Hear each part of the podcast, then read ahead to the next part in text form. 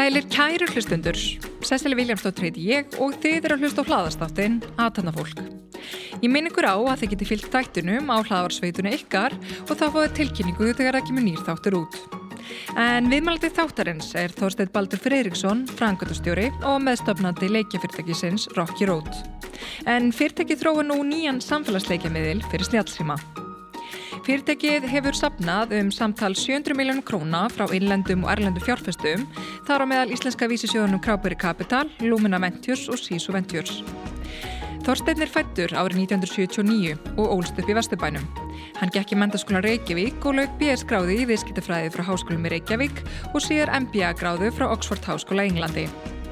Þorstein stopnaði leikifyrirtæki Plain Vanilla árið 2010 sem gaf meðal annars út vinsala spurningarleikin Quiz Up sem fór sigur förum heiminn og sapnaði Þorstein í um 7 miljardar króna frá erlendu fjárfestum þar meðal frá Sequoia fjárfestingasjóði. Fyrirtæki var síðan selt til Glue Mobile árið 2016. Hann stopnaði einnig leikifyrirtæki T-Time Games sem bjóð til farsímaleiki sem nýttu nýja tækni til að gera leiki personulegri með myndbandspjalli og gáð þá meðalans út spurningarleikin Trivia Royal. Þorstedt var áður uh, í sölu og markasmálum hjá fjarskiptafyrirtækinu Hive, Industria, Vodafone, TM og BT. Þorstedt hefur setið í stjórn Icelandic Startups og hugbúnar fyrirtækjunum Ós og Sling. Í dag fá við að heyra aðtæfnasögu Þorsteins. Sæl Þorstein og verðu hjartala velkomin í þáttinn. Takk fyrir að fá mig. E, við hérna hjá aðtæfnafólki, við bara byrjum alltaf á byrjunni, þannig að, þannig að mér langar að spöra þig uh, hver ertu alveg upp og hvernig var æsku árin? Já, uh, ég átti nú ansi, held ég bara góð æsku ár. Ég hérna í rauninni, ég horfi á mig ég með svona smá split identity eða sem sagt, hérna ég skipti mínum svona, hérna hvaðan ég kem svolítið á tvo staði annars vegar að þá er ég algjör vesturbæðingur fór hérna hérna klassísku vesturbæðarleið meðlaskóli, hagaskóli MR og ólst upp þar en svo líka á ég ætti mín er að rekja uh, vestur á fyrði þar sem að hérna fjölskylda mín uh, eða sagt, hérna, frænt fólk mitt uh, voru með sagt, byggu í eiginu vegur sem eru Ísafjörðardjúpi mm. og ég fór, fór í vegur á hverju ári og, eitti öllum sumrum uh, þar mm. þannig að ég svona skilgrinni mig bæði sem vestubæing og, og vestfyrðing og hérna uh, og já, ég raun og veru það þaðan kem ég, það er svona mín, mína rætur mm -hmm. og tek góða hluti frá, frá báðum stöðum mm -hmm. En uh, hvernig barn varstu? Hvað hafður þú? Já, sko ég ég veit ekki, ég hérna á, á tvo bræður en hérna í raun og veru þá, þá er ég einbyrni því ég egnaðist bræði mína hérna þegar ég var orðnaðis eldri uh, var eiginlega orðin fullorðin þegar þeir komið til sögunar þannig að ég ég myndi segja að ég hafi verið sko eiginlega algjört sko ekstra mikið einbyrni á þann hátt að ég var bæði sko fyrsta barn uh, fóraldra minna og líka fyrsta barnabarn sko í, í, í báða leggi. Mm. þannig að ég, það má segja að við alist upp á sem halgjör krónprins í minni fjölskyldu og, og ber þess aldrei bætur. Nei, það, nei, nei og, og, og svona lifið með því. Já, já, ég, hérna, alltaf það hef ekki svona eftir áhyggja svolítið svona hjálpa mannum við sjálfströst það er ofta alltaf verið að tala um hvað sjálfströst er mikilvægt og mm -hmm. svo sannlega í mínum bransa hefur það verið, verið hérna, mikilvægt. Og ég held það að hafa einhvern veginn verið alin upp uh, sem svona já, það var, það var mikið haldið upp á mig. Það var mikið hérna, látið með mig.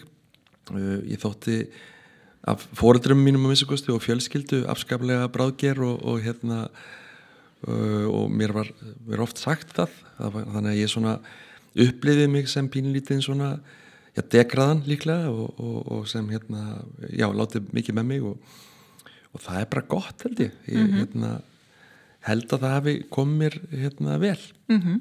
og, og var eins og ég segi í hérna meilaskóla í Vesturbænum og, og gekk nú alltaf frekar vel uh, í námi og hérna uh, og, og í raun og veru átti ég bara afskaplega góða barnæsku, bæði, bæði fyrir vestan og, og hérna í Vesturbænum. Uh, já, þannig að í rauninu þú færð þarna í meila og hagaskóla og svona, hvað hefur þú líka fyrir stafni á þessum árum? Svona, í rauninu hver voru þín helstu áhugamál og, og var svona, í rauninu þetta frumkvæla eðli eitthvað byrja að, að hérna, bæra á sér? Ég veit það ekki alveg, ég, ég einhvern veginn hérna í, í melaskóla þá hafði ég gríðilega áhuga á á sko á leiklist og hérna og gerði mikið af því að hérna að skrifa leikrit og, og, og gera einhver skólaleikrit og fekk krakkan í bekknum með það og, og það varst mér ótrúlega skemmtilegt. Síðan því ég kemur í hagaskóla þá, þá tók ég eiginlega við svona hinn dimmu ár. Nei, nei, ég meina það ekki. Ég, sem sagt, ég var engin, ég var engin töffari sko. Og í hagaskóla sem er mjög stór skóli með, með mikið að bekkjum að, að þá að þá kannski svona að því ég er yfirleitt og hef alltaf verið mjög svona svona extrovert mikið láti fyrir mig fara að ég held í hagaskóla að við aðeins dreyið mig tilbaka og dattaldið mikið í hérna roleplay mm. sem var ekki það mest töff sem þú kannski gert á, mm -hmm. á þeim árum en, en hérna með, með góðum vinnum mínum við vorum með góðan vinnakjarna og við vorum að spila Dungeons and Dragons og, og hérna og það er svona ákveðin svona áframlenging á, á sko sem leik, leiklistar áhuga mínum að því að mm -hmm. það, þá erst að setja því ákveðin hlutverk og búið til Mhm. og, og, og þrátt verið að þetta vekki kannski verið það mest töff á þessum árum þá held ég að við búið mjög vel og ég mæli með að, að, að ungi krakkar prófi svona roleplay, þetta bæði er er hérna mjög gott fyrir ímyndunaraflið og sköpunargleðina og, og hérna ég held ég að hafa haft mjög gott uh, að því. Uh, og fannst, fannst og mjög gaman að- leikja áhugin hana, Og leikja áhuginn, þetta er alls konar er kerfi og- einmitt, já, einmitt, sko. og svo sko já, klára ég hagaskóla og, og fer í MR sem svo sem lá daldi beint við. Mm. bæði bara því ég er í hverfinu og, og um það byrja allir í minni fjölskyldu voru í MR þannig að það er svona ákveðin það er bara ákveðin hefð þar. Og þar er og veru það er oft talað um svona late bloomers allir ég hef ekki verið daldi þannig. Emitt var, var svona nörd í, í roleplay í hagaskóla en, en virkilega fannst mér ég svona finna mína svona mitt, mitt svona umhverfi jammer og átti alveg ótrúlega skemmtileg ár í mennskólanum í Reykjavík og, og þar runni þú veist, jógst áhugið minn á leiklist og ég var mikið í, í félagsmálum og, og sérstaklega í Herranótt sem var hérna og er uh, leikfélag mennskólanins í Reykjavík. Og hérna og eitt í mínum árum þau eru mjög lituð af, af, af því. Ég var þar bæði formaður herranætur og, og, og var í aðluturki á uppsetningu þar og, og kynntist þar rosa mikið að góðu fólki sem, sem margir uh, endur svo á því að verða leikarar sem í raun og veru var eitthvað sem tíma ég ætlaði að verða og ég hef alltaf haft svona þá það, það, þá svona veiru alltaf pínu í mér. Aldrei að segja aldrei, en alltaf maður veit Nei, maður, maður hefur nú séð, ég, ég horfi sko á einhverja, svona, einhverja menn sem hafa náðu langt í viskildalífinu eins og Magnús Geving sem síðan láta bara draumir rætast þegar þeir eru búinir að, að hérna, ná langt og, og, og Já, ja, hver veit, hver Hver veit. En, en, hérna, en, en eitt skal ég segja að það að, að sko að, að vera í, í leiklist og, og læra að koma fram læra að tala læra að að, að þetta er eitthvað sem ég held að hafi hjálpað mér alveg gríðarlega mikið í því sem kemur svo setna því mitt starf og, alveg, og minn, minn starfsferill gengur rosalega mikið út af það að, að koma fram að halda pitch eða, eða halda kynningar eða, og ég meiri segja ennþá, við komum kannski setna í það á eftir að ég fór í svona í svona hérna framburðarkenslu hjá Gunnar Eyjálssoni, gammal leikari heitinn og hérna og ég fer ennþá með sko áður en ég fer inn í inn á stóran fund að þá fer ég með þessar möndrur sem ég lærði í, í herranótt bara alltaf koma mér í einhvern svona ákveðin gýr og í ákveðin hlutverk Uh, en svona á hérna sumrin, Mhm. varstu svona í einhverju sumar vinnu svona með? Uh, Já, á þessum mentaskóla árum? já ég hérna uh, það er nú þannig að, ég, eins og ég sagði aðan var, var hérna, það var mikið látið með mig því ég var barn og, og, og sérstaklega móður fjölskyldu minni. Er að faði minn Fridrik, hann, hann ég, veit, ég, ég veit það ekki, hann hafði ákveðnar hann hafði mjög sterkar skoðanir á uppbeldi og fannst held ég stundum að, að lífi verða aðeins og auðvelt fyrir mig, það var látið svo mikið með mig og, og taldi að hérna hann taldi að sko ég þyrti að, að læra læra svona ákveði svona sjálfstæði. Ég fekk ekki allt upp í hendunar mm. þannig að alveg bara, bara sko, mjög snemma bara frá því ég var í hagaskóla þá lagði hann mikla áherslu á það að ég myndi þurfa að læra að vera standu einn fótum. Þannig að hérna að hann sendi mig eiginlega næstu því á hverju sumri frá bara tíundabekk einhvað út til útlanda uh, einan helst til að vinna einhvers þar og hérna og ég var sendur til dæmis hérna því ég var í hagaskóla þá senda mig í svona hérna ég tók mig brúr skóla í hálta ár og, og, og sendi mig í svona, svona hérna, skóla í Englandi uh, sem var svona hin, hin, gamaldags, þetta var í hérna Hull í Englandi uh, mm. sem er svona gamal fiskibær og það var svona gamal prævat skóli sem hafa þurfti að vera með bindi og mjög strángur og, og bjó bara þar hjá einhverju fjölskyldu þannig að hérna ég, það var mjög erfitt fannst mér því ég var mm. ungur mm -hmm. sérstaklega því að ég hérna var svo vanur því að, að veist, vera svolítið hávær og, og, og ég held að á, á ákunum á, árum að þá hafi ég verið svona góðu með mig mér fannst ég vera að klára en allir einhvern veginn og, og það að fara sko í enskan, strángan, uh, svona álgeran heimavistaskóla kendi mér að, að hérna, það er, maður þarf svolítið að passa sig hvena maður segir mm -hmm. hluti og hérna ég man eftir, ég lærði alveg óbáslega hérna uh, dýrmæta leksju einmitt í, hérna, því ég var í skóla út í Englandi. Því þetta var svona svolítið það var svona eins og í bíamyndunum, þetta var svolítið svona hardcore. Það var, þú veist, ef maður saði einhvað vittlaust þá, þá, þá var þá var hérna, eh, fekk maður að kenna á því. Og ég verið hvað 13 ára. Og ég sendur út í hennan skóla hérna í, í Englandi og, og ég man alltaf að í, hérna, ég er bara settur henni tíma þar og ég var reyndar mér þess að einu ára og undan þarna þannig að ég var með eldri svona ennskum svona hérna, hérna nefndum og ég er í hérna, ég fer í sögu, sögukjænslu og ég, ég glemir þessu aldrei. Þar er ég í sögukjænslu í Hull í, í Englandi og bæða vegi Ísland er ekki tilstaklega vinsalt einhvern veginn í Hull. Það er sem sagt, Hull er einn af þessum fiskibæjum sem eiginlega fór í hálfgjört eiði eftir að hérna eftir hérna mm, þorskastriðin þetta var, hérna, það var ákveðið hatur kakast íslettingum okay. ég skil ekki ennþá okkur pappi sendið mig þangað en, það er sagt einhver sögutími og, og þá er hérna kennarinn þar, svona ekta gamal ennskur kennari sem, sem er að tala um enska, hérna, breska heimsveldið og segir þar mjög hérna, skýrt við allan bekkin eitthvað It is a known fact that the British Empire has never lost a war eða sem sagt, mm -hmm. enska heimsveldið hefur aldrei tapast stríði mm -hmm. og ég gleymi því aldrei að ég, mér fannst ég þurfa einhvern veginn að leiðrétta þetta þegar ég er hérna og rétt upp höndina í fyrsta tímanum mínum og bara, það er nú ekki alveg, alveg satt hjá þér. Og bara allir bekkurinn horfið á mig og ég vissi ekki alveg hvað ég ætti að gera og, og bara, hvað, hvað meinar þú? Well, you actually did lose a war the Cod War to Iceland. Og fannst ég mjög klár og fannst ég vera góður besturvisir hérna og, og hann fór í eitthvað kerfi hérna og, en ég man að ég fekk svona ákveðin svona aðrir í bekknum horfið á mig hérna, uh, daldi íllilega og svo í fríminútnum eftir þetta þá reyðist þér á mig og, og ég upplýði svona, þú veist, ekta svona, sko, svona skúlbúlíing sko í ennskum skóla. Já. og þá lærði maður stundum að stundum þótt maður viti eitthvað betur mm -hmm. maður, ekki, maður þarf ekki alltaf að segja það. Ekki, já. Ekki í ekki í hvert einstans skipti.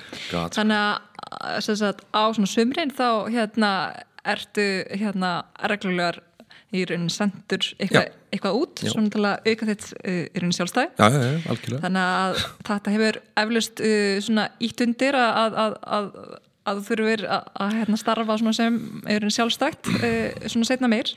Já en, um, en, en eftir MR, mm -hmm. hvað tekur þá við hjá þér?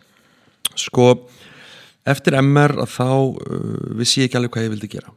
Ég var að pæli að verða leikari uh, og var ekki tilbúin í meira nám en byrja á meðan ég er að, að pæli því að vinna hjá í rauninni fyrstu al, alvöru vinnina mína sem var hjá BT sem var hérna uh, mjög stór svona ráftækja verslun, hún er hægt núna því miður mm -hmm. að því mjög, mjög, mjög væntum og þykir væntum BT mm -hmm. og, og byrja að vinna þar bara sem sölumöður en ég finn mjög fljótt þetta er náttúrulega ekkert stórt fyrirtæki að hérna, ég tengi mjög vel við, við stjórnendur uh, BT og þar eiginlega finn ég mína svona fyrstu fjöl sem var, voru markasmál að því að BT var svona retail fyrirtæki sem gekk mjög mikið út á, hérna, á, á markasetningu og, og þar í rauninni verð ég og þess að finnir mér svona lítil fyrirtæki á Íslandi mm -hmm. eða, bara fyrirtæki á Íslandi að ég verð bara á einhverjum örfóðum mánuðum hérna að vera í allt í norði markastjóri mm -hmm. BT, bara, bara tvítugur aldri. Og, og vinn þar við að hérna, búa til hérna þetta þeir voru með svona hérna lukkutýr sem var BT Músin. Mm -hmm. hvort, þú, hvort fólk Jú, mun eftir því. Já, og ég manna mjög vel eftir þessu svona gul, stór já, og svo mann maður líka eftir sko í rauninni þessum blöðum sem voru sko, í raun senda á heimilin. Það fór mjög mikið fyrir þessu hérna fyrirtíku sínum tíma. Já, fólk sko beigðalega eftir þessu. Mm -hmm. og ég bæði, þar læri ég líka grafíska hönnun sem eh, sjálflærði og gerðinan bækling, hann aðeins hann í bara í tölvu og, og, og, og svo pöntuðum við reysastóran svona, svona lukkutýra búning af músinni Mm -hmm. þannig að ég var bétimúsin mjög lengi, mm -hmm. ég mann að við pöntuðum það Já, hérna, þannig að þú sjálfur svona fóstundum í hérna hlutverkinu Já, já, þetta var náttúrulega ekki, þú veist, markastjóri þetta var bara, þú veist, ég var bara hérna maður var að gera einhvern veginn allt já, já. og hérna, en ég læriði ótrúlega mikið á því mm -hmm. og bara með, þú veist, bæði fannst mér ég læra að fá svona smá svona, svona hérna, nasasjón af, af, af því að vera í grafiskur hönnun, útlit, lúk, branding uh, þú veist, bara viðskiptum. Ég veist, ég allt í hennu læra, þú veist, bara öll þessi, hva, hvað er framlegð hvernig, veist, gerum við þetta allt? Og við vorum oft með svona skemmtileg svona markastrykk í, í BT eins og, þú veist, það var að koma Eurovision, allir íslætingar voru heldu alltaf öll ára að Ísland myndi vinna. Mm -hmm. þannig að við vorum með svona tilbúð hei, ef þú kaupir sjónvarpið til BT og Ísland -hmm. vinnur, þá færði það, þú veist þá færði það endurgreitt, þá færði það ókipis mhm. og því líkt sem svona þú veist, triks virkuðu ótrúlega vel, það flyktust allir íslendingar og mhm. keftu sér sko nýtt sjómarp aður hann að Selma kefti Eurovision, það vissu allir að hún myndi vinna já, og það munnaði nú það munnaði ekki miklu sko já, en, en, en þetta var, maður lærði mjög mikið á því já. það var gaman Já, ég trú því eh, en eftir þannan tíma, hvað tekur síðan er henni við hjá þér? Þú ert þarna búin að fá insenn inn í hérna, henni viðskipti og hérna markasmálin Já, já. Og þarna var ég svona eiginlega komin frá því að verða leikari. Ég, ég, ég reynda sækjum uh, í leiklæsaskólan, komst ekki inn. Og hérna og var svona pæli að skoða einhver úti en, en var spenntur fyrir svona visskiptum og, og markasmálum sérstaklega. Og hérna þannig ég ákvað bara að skella mér í háskóla.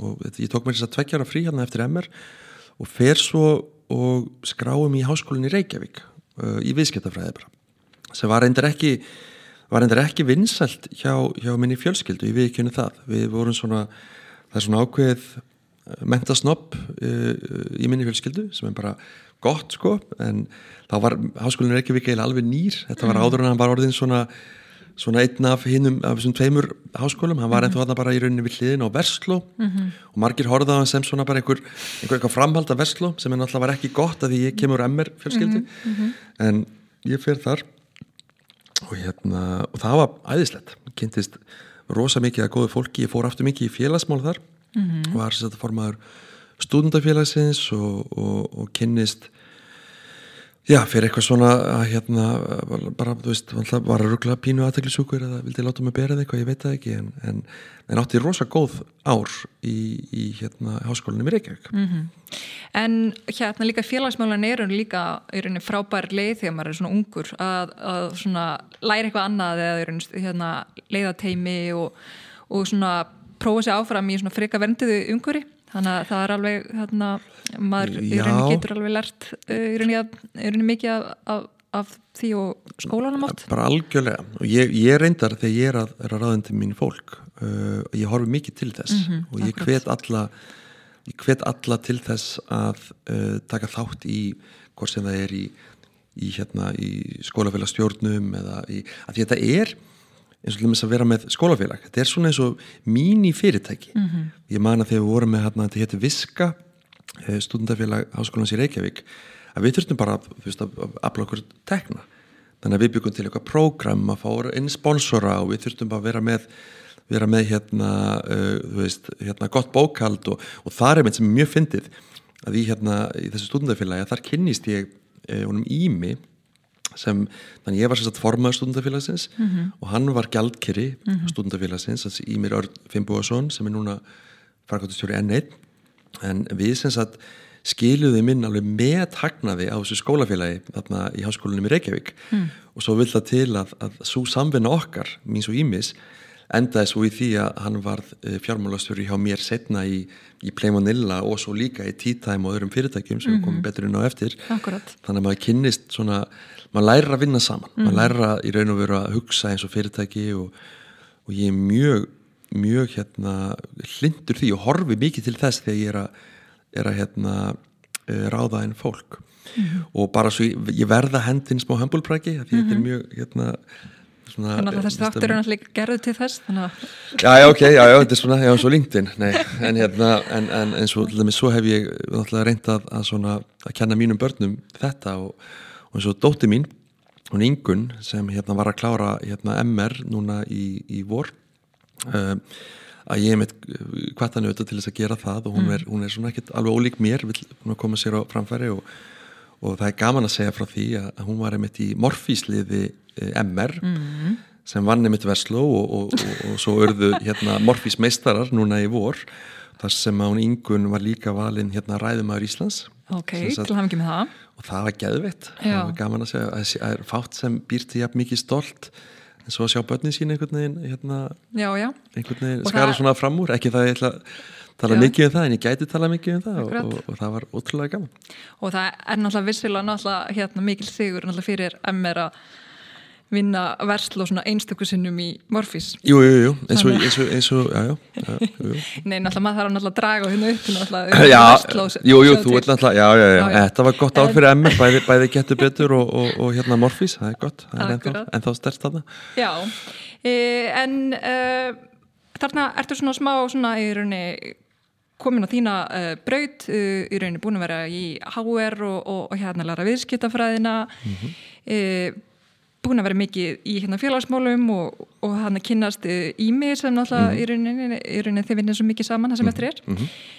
um, en uh, svona alltaf eftir að, að maður klára háskólanum þá eru alltaf svona stóra spurningar hvað skal gera næst og, mhm. og svona hvað eru svona, í rauninni fór svona í gegnum hugaðinn á þessum tíma og hvað ákveður að gera?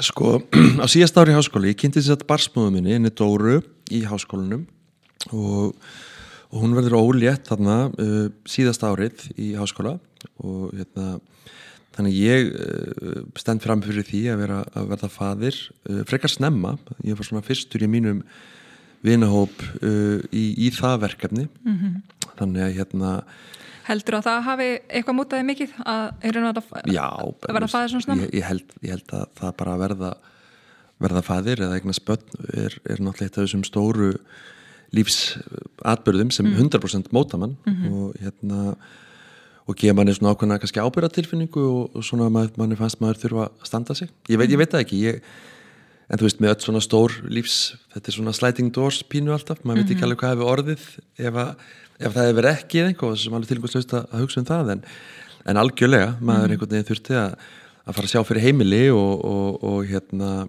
ja, sjá fyrir heimili við þurftum að búa allir heimili og og það hefði klárlega áhrif mm -hmm. þannig að hérna við þegar ég eftir e, í rauninni háskóla bara fyrir að leita mér að vinnu og það hefði verið í þessu markasmálum þannig ég, ég hoppa bara strax á það eiginlega að ég fyrir að vinna hjá Vodafone eða og Vodafone eins og hitt á, á þeim tíma mm -hmm. í markasteldinni e, vinn þar í bara örfa á mánuði þá kemur til mér fær símtall frá manni sem er að stopna nýtt fyrirtæki mm -hmm. og það var maður sem heitir Artþór Halldórsson og hann er sem sagt að stopna nýtt símafyrirtæki og var að reyna svona að fá til sín gott fólk til þess að koma í stopnum þess eh, félags og það var félag sem hétt Hæf ég veit ekki hvort, mm -hmm. hvort hlustendur muni eftir því en, en hérna það var svona þegar þessi internet þessi bylting er að reyja sér stað mm -hmm. og og Hæf var sem sagt bara sprótafyrirtæki algjört startup sem ætlaði í keppni við Vodafone og Síman um að bjóða upp á ADSL nettengingar mm -hmm. uh, og ég veit það ekki, mér fannst þetta mjög spennandi strax og hann hefur samband við mig uh, mér fannst þetta eitthvað nýtt að vera með lítið fyrirtæki sem þú ert með uh, í rauninni miklu, stjórna miklu meira Vodafone var ágætlega stort fyrirtæki þeim tíma og ég var bara í markasteildinni mm -hmm. og því ég lært og kynst mörgum þar Já. að ég hoppa á þetta og þar byrjar í raun og veru mitt fyrsta svona startup ævintýri. Þegar við vorum algjört startup og þurfti bara að búa til brand og búa til hvernig við ætlum að nálgast markaðinn og hvernig við ætlum að vera berjast við stóru rísana og annað. Mm -hmm. og uh, ég fer í það og hérna og það gengur alveg ævintýrilega vel.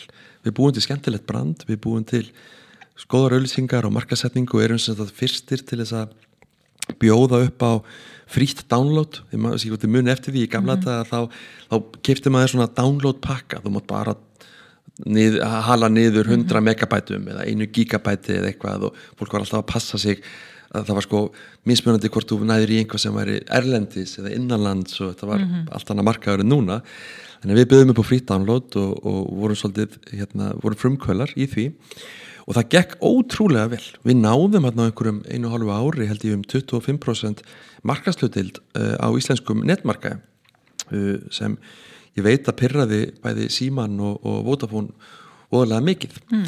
sem endaði svo á því að Vodafone uh, hérna kaupir hæf mm -hmm. sem er bara frábært og þá einhvern veginn, þetta var svona nokkuð, það hefði gengið vel þannig þá stend ég fram með fyrir því að vilja vita hvað ég ætla að gera næst mm -hmm.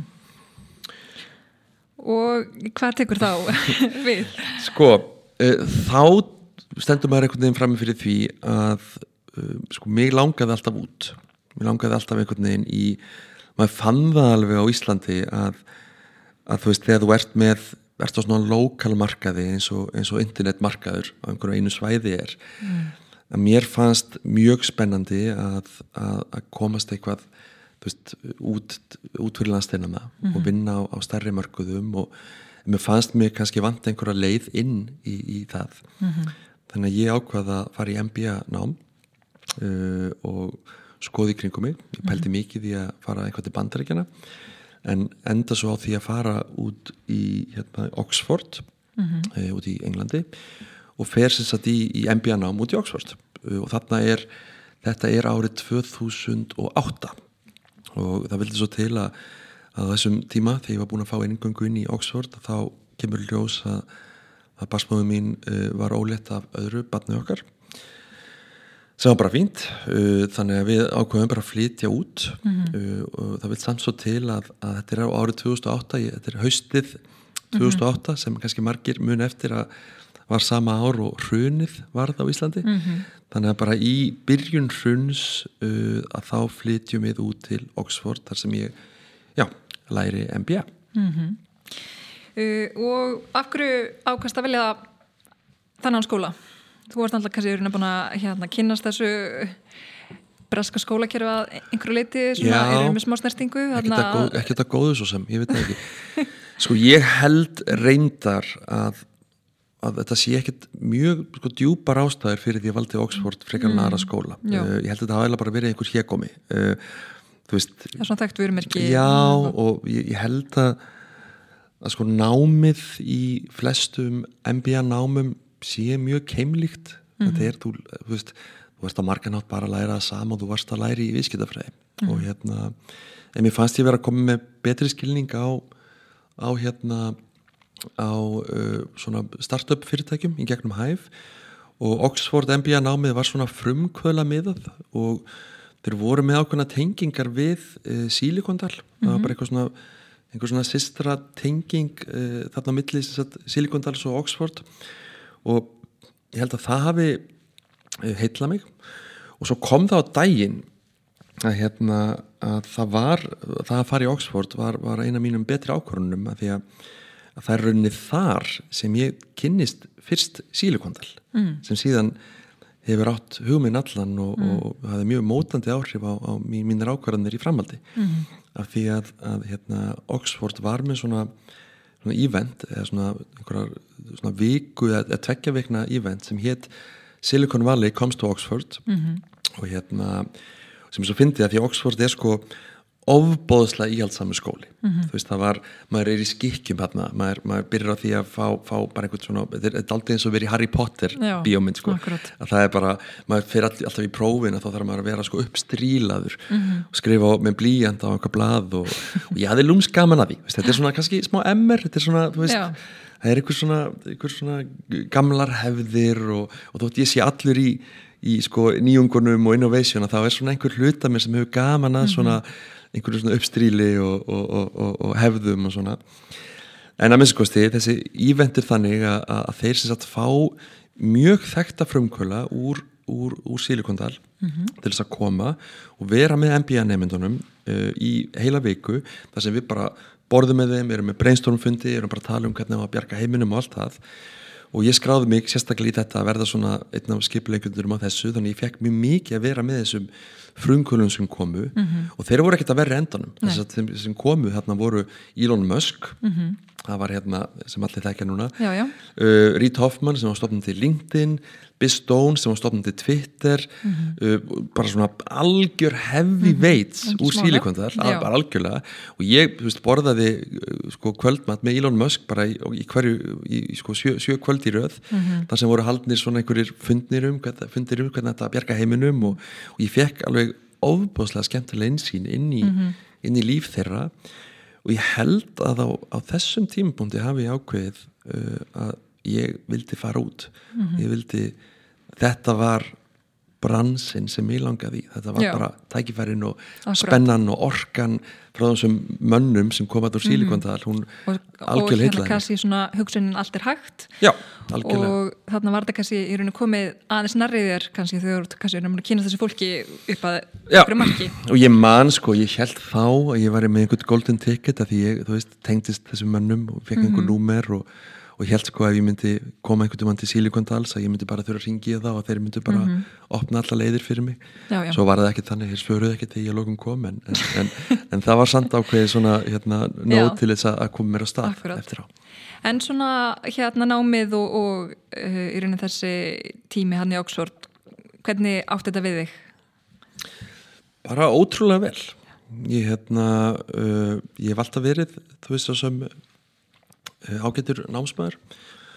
Uh, ég veit ekki með námið ég held þetta hafi nú bara verið örglega eins og eins og öll önnur MBA nám nema líklega voru þeir meira gamaldags. Það var minna um kynningar og annað sem ég held að hefði verið betra. Mm -hmm. það, það sem er alveg meira í Bandaríkjunum. já, ég held það sko. Uh, það er líka áttir ósað vel við mig. Varst, ég, ég, mm. mínar góðu engunir kom alltaf því ég fekk að kynna eitthvað. Ég fekk einhvað að selja eitthvað, segja einhverja sögur. Uh, þetta var alveg ennþá bara einhverjar hagfræði, hagfræði próf sem skrifaði, gerði gröf með blíjant og blað. Akkurat. En ég meina, maður læriði og ég, í raun og veru kannski það sem ég læriði mest að því var bara að kynnast fólki. Já, svona það sem tókst svona einna mest út úr náminu. Já og svo fannst mér alltaf mjög gaman að því og, og, og það er eitthvað sem ég segi alltaf við veist, það er bara að prófa að, að sko, þetta vikaði sjóndeldaringin og það er að færði eiginlega alltaf að því að fara einhvað í nám útli útlanda. Mm -hmm. að að, skilja hvað heimurinn er já, stór en um leið lítill mm -hmm. þetta er allt, maður er ekki fastur neist þar og sérstaklega fannst mér gaman í Oxford að í staðin fyrir að gera einhverja lokaritgerð þar mm -hmm. að þá að því Oxford er með ágættis brandsun út um allan heima að þá, þá það sem var gert að lokaverkefni var rauninu verið þannig að okkur var skipt í litla hópa og svo vorum við send svona litlir Oxford hópar út um allan heim til þess að hjálpa við einhver raunveruleg vandamál helst út einhverstaðir í einhverjum vandfróðum ríkjum þannig að mitt verkefni var að ég var sendur á sand þreymur öðrum uh, nefndum að búa í Tansaníu í þrjú, uh, þrjá mánuði þar sem við vorum að hjálpa sem sagt, vorum að vinna með tansanísku ríkistjórnumni að skilja okkur frumkvölu umhverfið í Tansaníu var svona vanþróað mm. og það var geðveikt mm -hmm. það var geðveikt að vera í, í hérna í, í rúma þrjá mánuði í Tansaníu og bara upplifa eitthvað algjörlega allt annað. Þótt ég hef ekkert, ég, held að við höfum ekkert bjarga Tansaníu, það er ennþá ekki í góðum stað en, en, en maður upplifa eitthvað nýtt. Já, en hérna hver var niðurstaðan? Af hverju var þetta svona, svona vannþróað? í Tansaníu, Já, Mm. manstu það? já, við, það var náttúrulega eins og ég segi, oft þessi háskólaverkefni eru ekkert að bjarga. Jújú, jú, þetta, þetta var nú eitthvað þannig að, að Tanzania var er, er, er, mjög er, er svona, var mjög sósialist hérna, bakgrunnir þar þannig að, að það var hérna ekki sérstaklega góð menning fyrir því að stopna fyrirtæki. Og, og þar var það, það var mjög fyndið þar, hérna, á þess að ég tala einhvað niður að það var, það, það var lítið tröst það er í, í, í kúlturnum þar þar var, var pínu þannig ef þú getur stóluð einhver og kennst sko, kennst upp með það, þá er það í lægi þannig að fullt af litlum frungulega fyrirtækjum þar komist aldrei yfir það að, að sko, það, það fasa að þurfa að ráða inn fólk utan fjölskyldunar af því að þá urðu svo svakaleg hérna, tröst vandamál. Mm.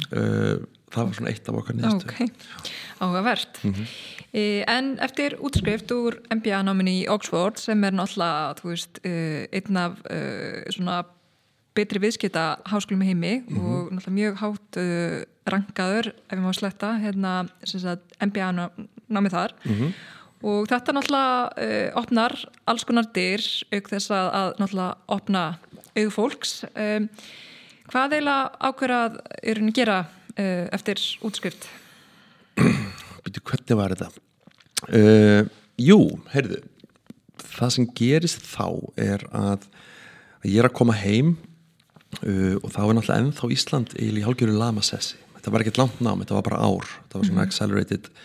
Þannig ég er að koma heim í brunarústurnar sem, sem Ísland er. Uh, og þá kynnist ég, eða hefur sabat við mig uh, maður sem sem endan á því að vera einn af mínum allra besta vinum sem var mikill frungull og er. Og það var hann Guðjón í, í Ós mm. Og hann er náttúrulega alltaf búin að vera með hérna, alls konar fyrirtæki og, og, og hann fær mig uh, það er svona mikill umbróta tíma á Íslandi á þessum tíma og hann er á kafi í, í konsepti sem hétt uh, hugmyndaráðunetið sem gekk svolítið út á það að það ætti að byggja upp Ísland svolítið á á svona á hérna veist, rústum bankakerfisins. Það er rosa mikið að fólki misti vinnuna kláru fólki í gegnum hérna í kringum hrunið. Þannig að nú ættum við að nota þetta sem tækifæri og byggja upp góðan nýsköpunar innan á Íslandi. Og ég fer að vinna með Guðjóni í hérna fyrirtæki sem heitir uh, hétt með Dissa.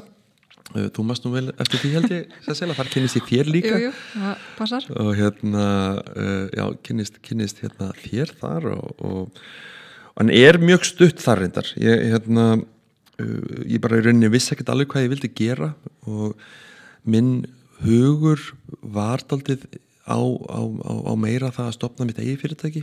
Þannig að þetta var svona, ég, ég lendi hjá Guðjóni vinn þar í nokkra mánuði.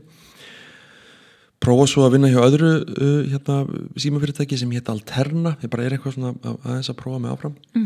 Uh, og þarna milli prófa ég nokkra hluti og reyndar ég glemdi kannski að segja uh, frá því aður en ég fer út í hérna, Oxford að þá, þá prófa ég alls konar vinnur. Ég hérna, fór að vinna hjá RÚF sem fréttamaður um tíma bara, ég, maður vissi ekki alveg hvað maður vildi gera og það er bara allt í lægi ég horf átt að þannig að á milli sko 20 og 30 þá átt að reyna að prófa bara sem, sem flestar vinnur. Uh, og kannski svona nota síðan 30-40 sem svona sem þú virkilega einbetið kannski að einhverju einu. Og þetta er auðvitað ekkert þetta er mismunandi millir fólks en, en þannig var það hjá mér. Og hérna og, uh, þá í raun og veru bara ákvaði ég þarna uh, vorið hvað 2010 eftir ég hef verið að vinna með Guðjóni og, og, og í einhverjum svona sprótafyrirtækjum að stopna mitt fyrsta startup.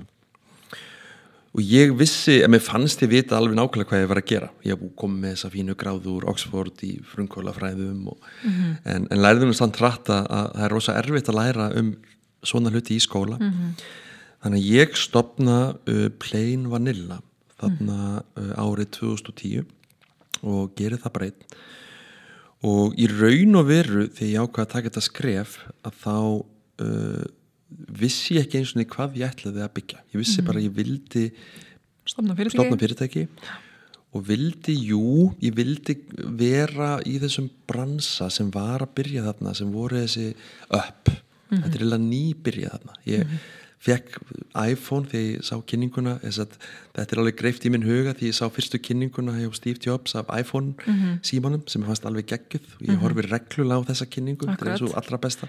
Ég veit náttúrulega fyrir vist að þú ert mikill Apple Mikill aðdáandi Apple-maður, jú, og ég er enda líka. Já, já, og það er bara eitthvað með uh, þú veist, hvernig þeir koma öllum hlutunum bara markasetning og annað og var Já. mikill Steve Jobs hérna fanboy og ég er með stóra mynd af honum heimi á mér. Er- Já, ok. hann er svona mín rockstjarna. Já, en hérna uh, stopnið þetta fyrirtæki uh, og ég, ég veit ekki alveg þú veist hvaða var sem fekk mig í það, jú ég er náttúrulega sagt, hérna, við, við slítum uh, sambúðinni ég og barsmóðu mín hérna, eftir við komum frá Oxford. Þannig að, þannig að mér fannst ég kannski vera svona algjörlega nýjum kapla einhvern veginn í lífinu. Mm. og hérna stóðu einhvern veginn aldrei einn uh, var komið með þetta nám og ákvaða stofnanda fyrirtæki og, og byrja bara á því að pæli hvað ég vilji búa til í þessu plemanilla fyrirtæki og ákvað þannig er ég með tvö lítilbönn að mér langaði að búa til tölvuleik sem var sérstaklega átt að vera fyrir iPad sérstaklega þá var iPadin alveg glænýr og nýkomin út og fannst bara einhvern veginn gaman að sjá og hugsaði að, að, að ung kynsloða nýju, nýjum börnum myndu alast upp við iPada og, mm -hmm. Og langaði að búa bara til eins og ég setti það fram bara besta badnatölvuleik sem hefur verið gerður fyrir mm -hmm. síma og, og, og spjaltur mm -hmm. og þá hefst svona minn, minn fyrsta svona mitt fyrsta ferðalag í app heiminn og tölvuleika heiminn og ég byrja að vinna að snjallforutinu eða snjallleiknum sem uh, var kallaður Moogies mm. og hérna var einhver besta leksja í, í fyrirtækjarekstri og já, bara öllu sem ég nokkur tíman upplifað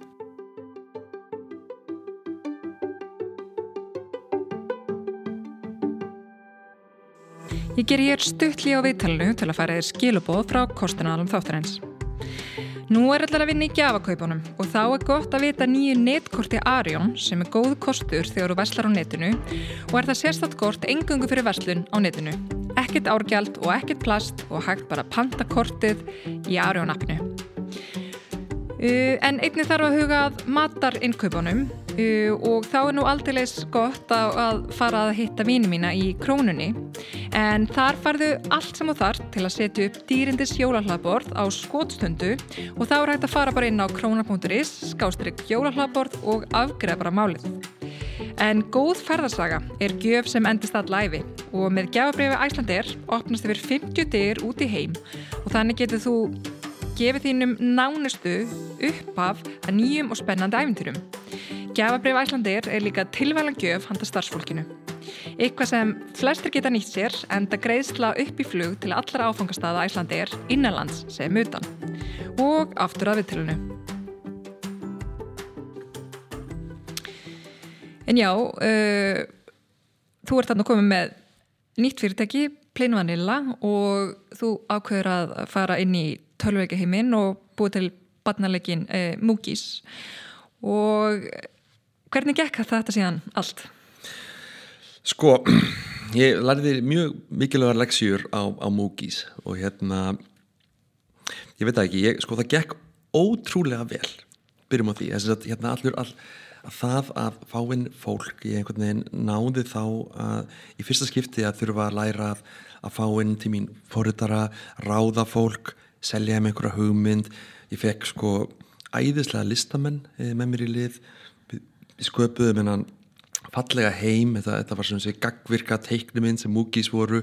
Ég fekk hérna veist, frábæra leikar leikin rattir og, mm -hmm. og ég sko endaði á því að eigða einu og hálfa ári í að búa, búa þetta, þetta múkis til fekk, einhverja styrki sem var frábært en ég samt sem aður ég, á þeim tíma vissi ég ekki allir hvað fjárfestar voru ég bara mm -hmm. set, setti allt tók, tók yfir, yfirdrátt, persónan yfirdrátt og og bara mhm. setti allt í þetta mm -hmm. en máli var bara Ólinn Já, ólinn en, en, en máli var ég held að ég var að gera allt mjög rétt og ég var svo spenntur að því að mér fannst varan falleg og finnst hún ennþá falleg mm -hmm. og ég man að sko ég, hérna, náttúrulega þetta var alveg frekar mikið í fjölmjölum á þessum tíma. Þetta var svona eiginlega fyrsti íslenski tölvuleikjurinn að síma sem var gefin út og við fengum frábæra hérna, útgefendur og unnum með sko Electronic Arts gaf út leikin og, og hérna og ég kom í kastljósi og, og mér fannst öll, veginn, mér fannst ég vera á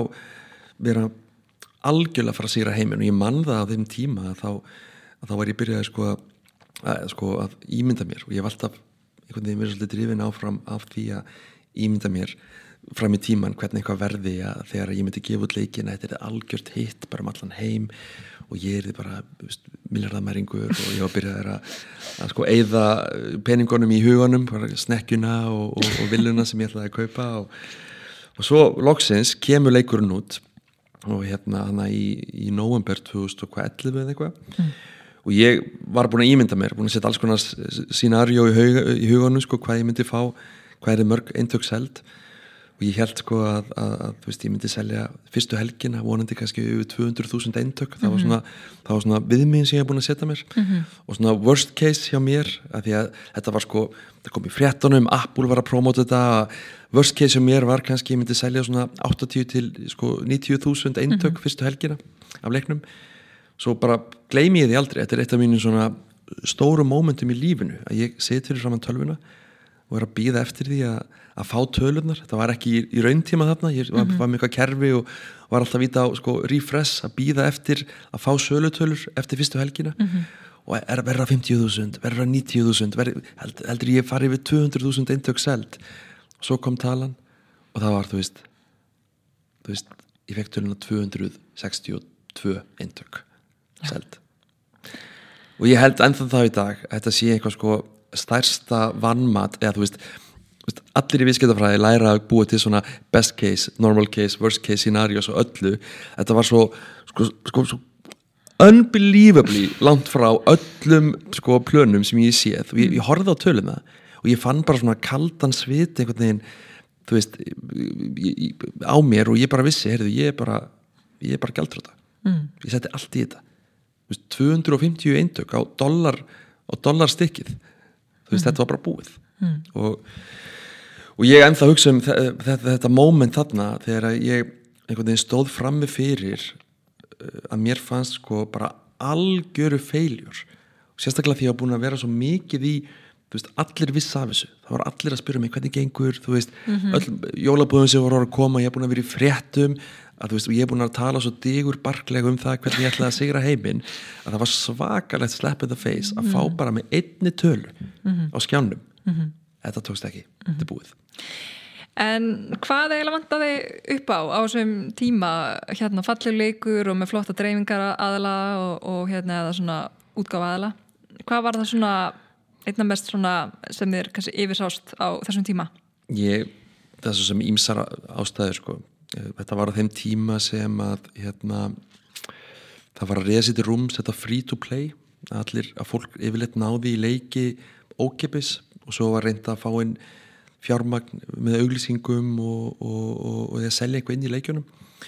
En ég einhvern veginn veist, tók þann stans að það var barnaleikur að ég vildi frekar hann er seldur og svo væri einhver auglýsingar og það væri ekki verið að að trykka börn í að þetta var eitthvað svona hugssjón hjá mér eða eitthvað, mm -hmm. ég veit það ekki mm -hmm. og ég ætlum markasefnið að tala ég rosa mikið um bara það er engar auglýsingar, það er þú veist, ekkert að kaupa nýtt í leiknum ekkert þannig, þetta er bara safe svæði mhm. fyrir börnin og ég held eitthvað að það myndi virka en, en svo líka bara er, það er ótrúlega erfitt að, að fara inn á svona badnamarkað uh, að því að þú ert í raun og veru þú veist, og eins og ég, ég horfa á hvað Tulipop uh, stelpnir eru að gera sem er alveg stórkostlega flott mm -hmm. en sko vandamálið er að, að sko börn eru eitthvað mest sko brandlójal fólk, eh, einstaklingar sem til eru og þau eru ekki kaupendunir það eru foreldrarnir mm -hmm. þannig að það er raun og veru meira foreldrar sem eru brandlójal þetta er allir foreldrar að þekka það að ef að, ef að hérna bann sínir minnst áhuga á hérna frósin þá er bara búf, það Já. er bara sænguverinn og, og mm -hmm. dúkurnar og það bara færða bara það brand mm -hmm. þannig að ef þú ætlar að ná árangri á, sko, á, á bannamarkaði þá þarf það að vera með svona multilevel hérna uh, channels, það er að segja ekki bara einhvern eitt leik, þú vart að vera með mhm. þætti þú vart að vera með vörur, þú vart að vera með mhm. allt þetta mhm. og ég bara það bara, ég bara hérna feilaði bara þarna mm -hmm. sem um leið var frábær lærdómur fyrir mig og, og, ítti mér út í einhverna mm -hmm. Enda líka í rauninu fyrsta svona eiginlega frumkvöla verkefni mm -hmm. e, en, um, en en þarna ertu búin að upplefa í rauninu svona kannski þinn fyrsta svona alvennu feiljur sem mhm. allavega svona tekur mikið í sérstaklega þegar fólk leggur allt undir. Mm -hmm.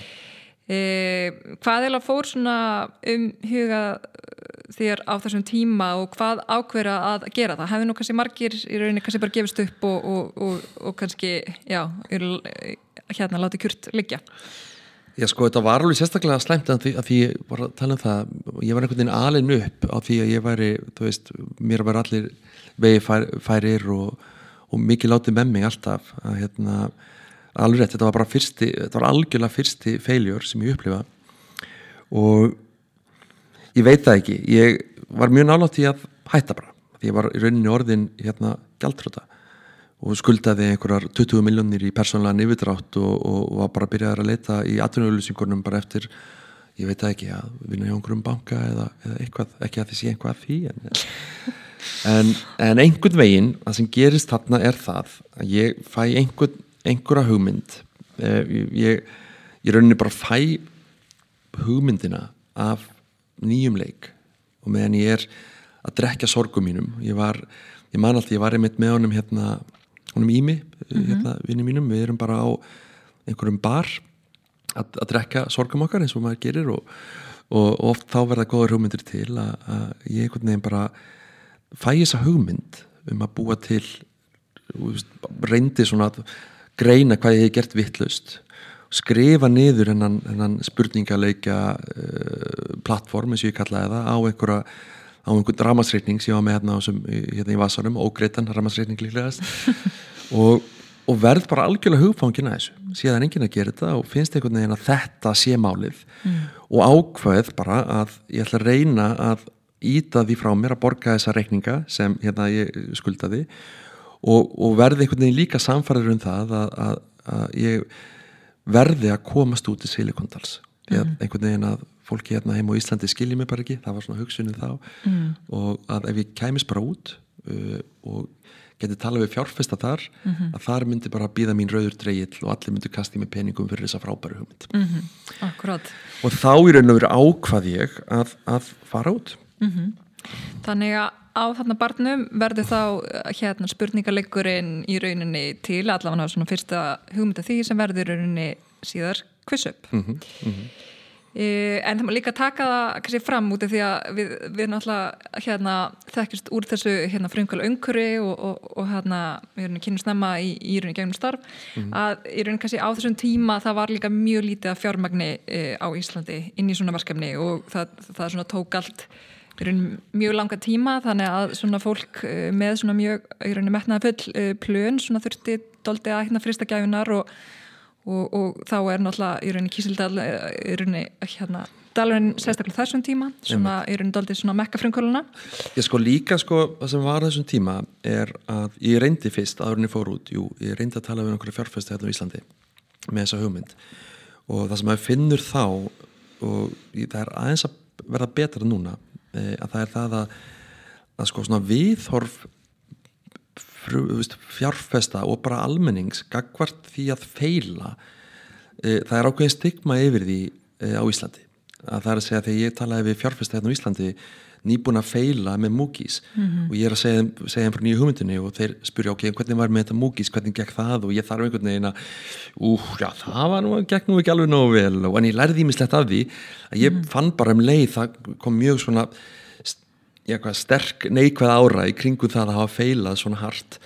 Uh, en ég vissi það og það er þannig í bandaríkjunum að það er allt öðruvísi viðþorf að, að feila. Þar oft vilja fjárfestar helst að frumkvölar hafi feilað mm. eða mhm. hafi farið á hausin helst bara að því að fólk læri svo mikið á því þannig að það er öðruvísi viðþorf í bandaríkjunum mm -hmm. sérstaklega á þeim tíma, það er aðeins búið orðið betra í Íslandi að það, veginn, það hjálpa manni að hafa feilað í bandaríkjónum með að vinnur á mótum manni hérna á Íslandi mm -hmm, Akkurat uh, og ég reynir þú bara ákveður að fara út uh, án þess að hafa nokkur tíman áður farið til Kísildalsins og, og, og hérna kaupir að sjálfsög eins og allir er að gera alltaf bara svona vonum með ticket. Algjörlega. Og hérna getur aðeins svona sagt okkur uh, svona frá í raun hvernig þetta fer á stað hérna hjá þér úti? Já, sko, það er rosa mikið að sögum frá, Já. við getum að haft heilan þátt um það, ég veit ég hef líka sagt þessa sögur uh, áður og eins og stöðum. En í stuttumáli þá vissi ég ekkert hvað ég var að gera ég við kynna það alveg. Og, og í raun og veru ef ég hefði sko gert aðeins meiri research á hversu sko hlutfall þeirra fyrirtækja sem fer út í Kísildal og reynir að fá fjármagn hversu sko lágt þetta success rate er í raun og veru þá er ég ekkert vissum ég hefði færið út. Uh, bara stundum er gott bara að vera ekkert að gera ómikla rannsóknarvinnu og bara dempa sér í hluti. En ég fer út með tvo forritara með mér uh, hann Jóhann og Átna og við finnum uh, einhverja, einhverja íbúð og, og hérna uh, í raun og veru bara allt og yfirdrætti hjá mér ennþá, ég veit ekki alveg hvernig mér tókst að samfara hérna bankana um að um hjálpa mér ennþá. En, en hérna og fer hann út og, og ég er rauninni á von á því hérna því ég mæti og ég meina það að þetta er bara ekkert mál.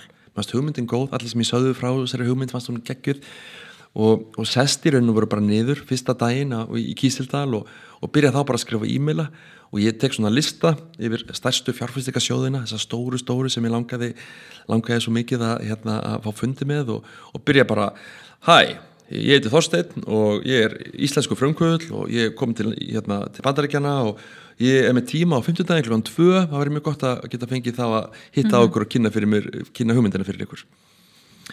Og ég náttúrulega fekk bara held ég ekkert einasta svar. Nei, þetta virkar ekki alveg svona. Það virkar ekki alveg svona þannig að það var ákveðið svona næf til hjá mér mm.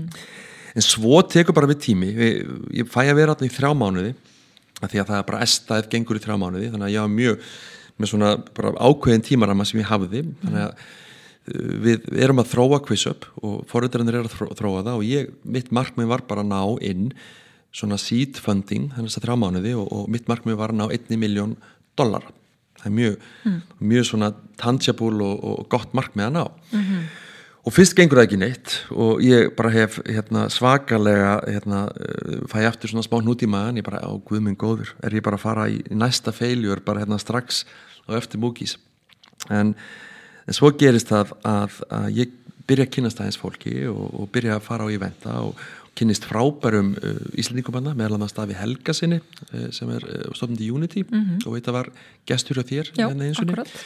Og hann kennir mig fyrir vinnu sínum og, og, og, og ég með sko ímiskonar leiðum tekst að sitja þú veist, ég veit þetta hljómar fárumlega en þetta, gekk stundum út á það sko að að, að, að spæja hvenar einhverju fjárfestar voru að fara í sko lönns og ég veit þetta hljómar hræðilega en það er bara að rekast á fólkið með iPadin í höndunni og hei, maður rétt sína þér eitthvað?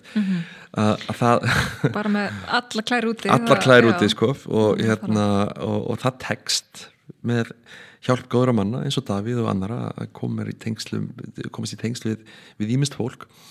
Og, og ég næ að, að, að reysa eða, eða sapna fyrstu miljón dólarunum mínum hann úti. -hmm. og þá er hann verið byrjar bara ótrúlega skemmtilegt ferðalag sem var uh, já, pleifanilega með, með QuizUp það var enda sama fyrirtækið, ég fór aldrei með pleifanilega í þrótt en, en ég næ hérna að sapna miljón dólarum úti og kem Sigri Rósandi til Íslands alveg hérna svakalega ánæði með mig og, og, og, og fæ að ráðin fólk og, og byrja þá bara það ferli sem var að búa til. QuizUp En hérna áður en við, við kannski koma því að, að hérna e, getur smá svona líst fyrir hlustundum mm, í raunin þessum heimi og hérna í raunin kísildalunum og, og svona hvernig þetta gengur fyrir sig og hérna og einnig að, að, að, að þú ert í og við kannski komum inn á það setna, kannski einn af þeim sem hefur gengið einna besta að, hérna fjármagnar fyrirtækiðin þá einhver merlendis svona, svona þín helstu svona ráð og í hvernig þú gerir þetta? Sko, já ég einhvern veginn uh, ég hef verið að halda hérna námski eða svona komið eins og gestafyrirlestari núna undarfærið í hérna einhver sem er kallað storytelling.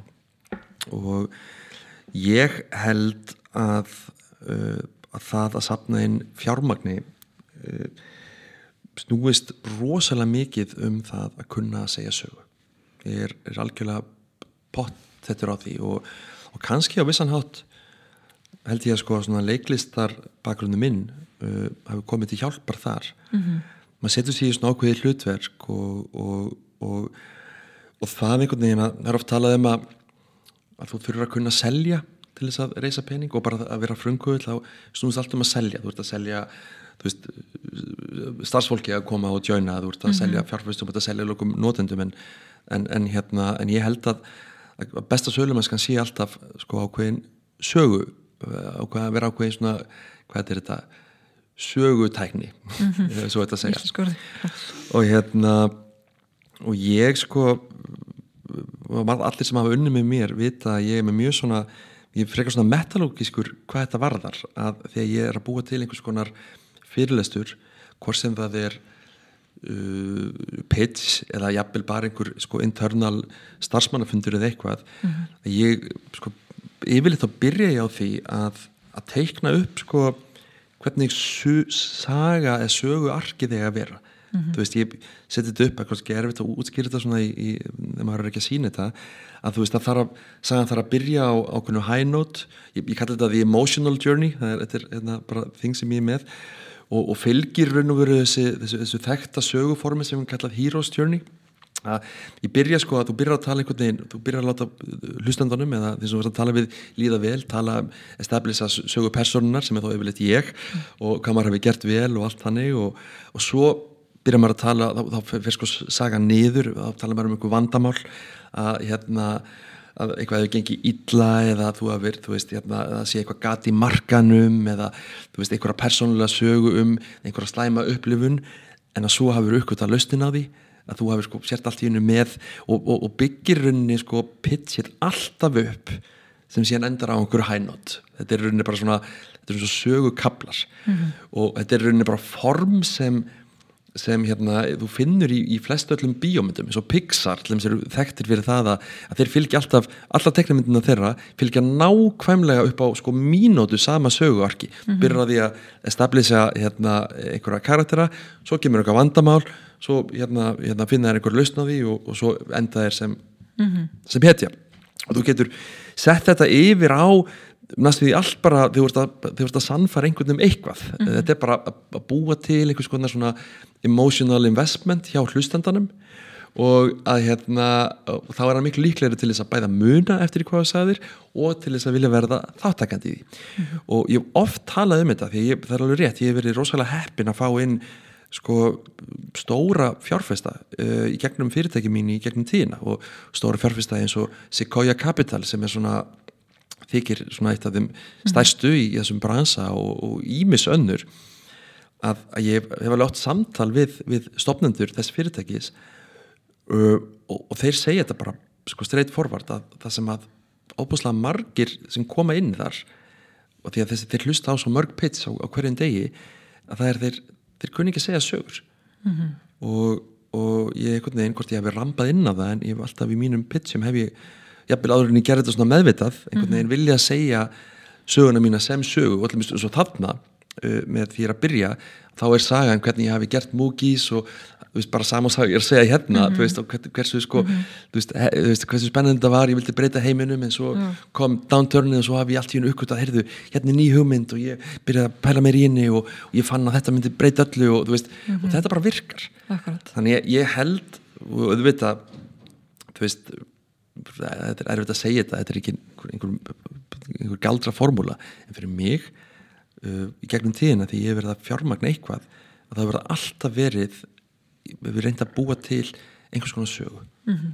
og, og það held ég sé mikilvægt. Já, og hérna ég man sko ég sá hérna slæti ekki ekkar og ég er henni pizzið á, hérna sínum tíma með hérna quiz up. Og þá Já. náttúrulega var ég úti og þetta var náttúrulega aðeinslega skemmtilegu tími Þannig, og ég man náttúrulega við fögnum hann saman sko, þegar þú kláður þannig að ég fá hún að koma hínum með þessari sögu sko, að, hérna, að þá fekk maður svona já, maður var svona ansið nálega þessu á þessum tíma og, og náttúrulega í rauninni hvernig þið náða í rauninni klára svona eitthvað fjármögnun og, og svona ákveðin svona örlega valdur sem kemur hérna inn uh, hérna, uh, þar sem hérna partner í, í akkurat Sequoia svona hérna ákveður að mæla með ykkur og, og, og, og hérna og svona taka þátt og þannig klárast þessi í rauninni fjármögnun Já, ég man þetta var alveg, þetta var frábær tími, þú veist, að vera einhvern veginn í sílikundæla þótti að það verið erfitt í byrjun að ég fekk mikið að neyjum í byrjun en bara að upplifa sko kraftin frumkvöla einhvern veginn umhverfið þarna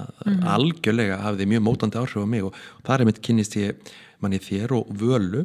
Þið voru saman þá með fyrirtæki og síðan verður vala eh, hérna starfsmæður hjá mér í, í pleimannilega stjórnandi og núna vorum við að stopna saman fyrirtæki fyrir, tveimur, eh, fyrir, fyrir árið síðan Akkurat. sem er ok, mitt nýjasta hérna, fyrirtæki. Þannig að þetta þetta tengist Rocky allt þetta er Það Road, tengist þetta allt. tengist allt mjög mikið sko. Já, en hérna en uh, já, það var, það var ótrúlega gaman að þessu og, og, og, og, það að einhvern veginn að klára þessa fyrsta fjármögnun.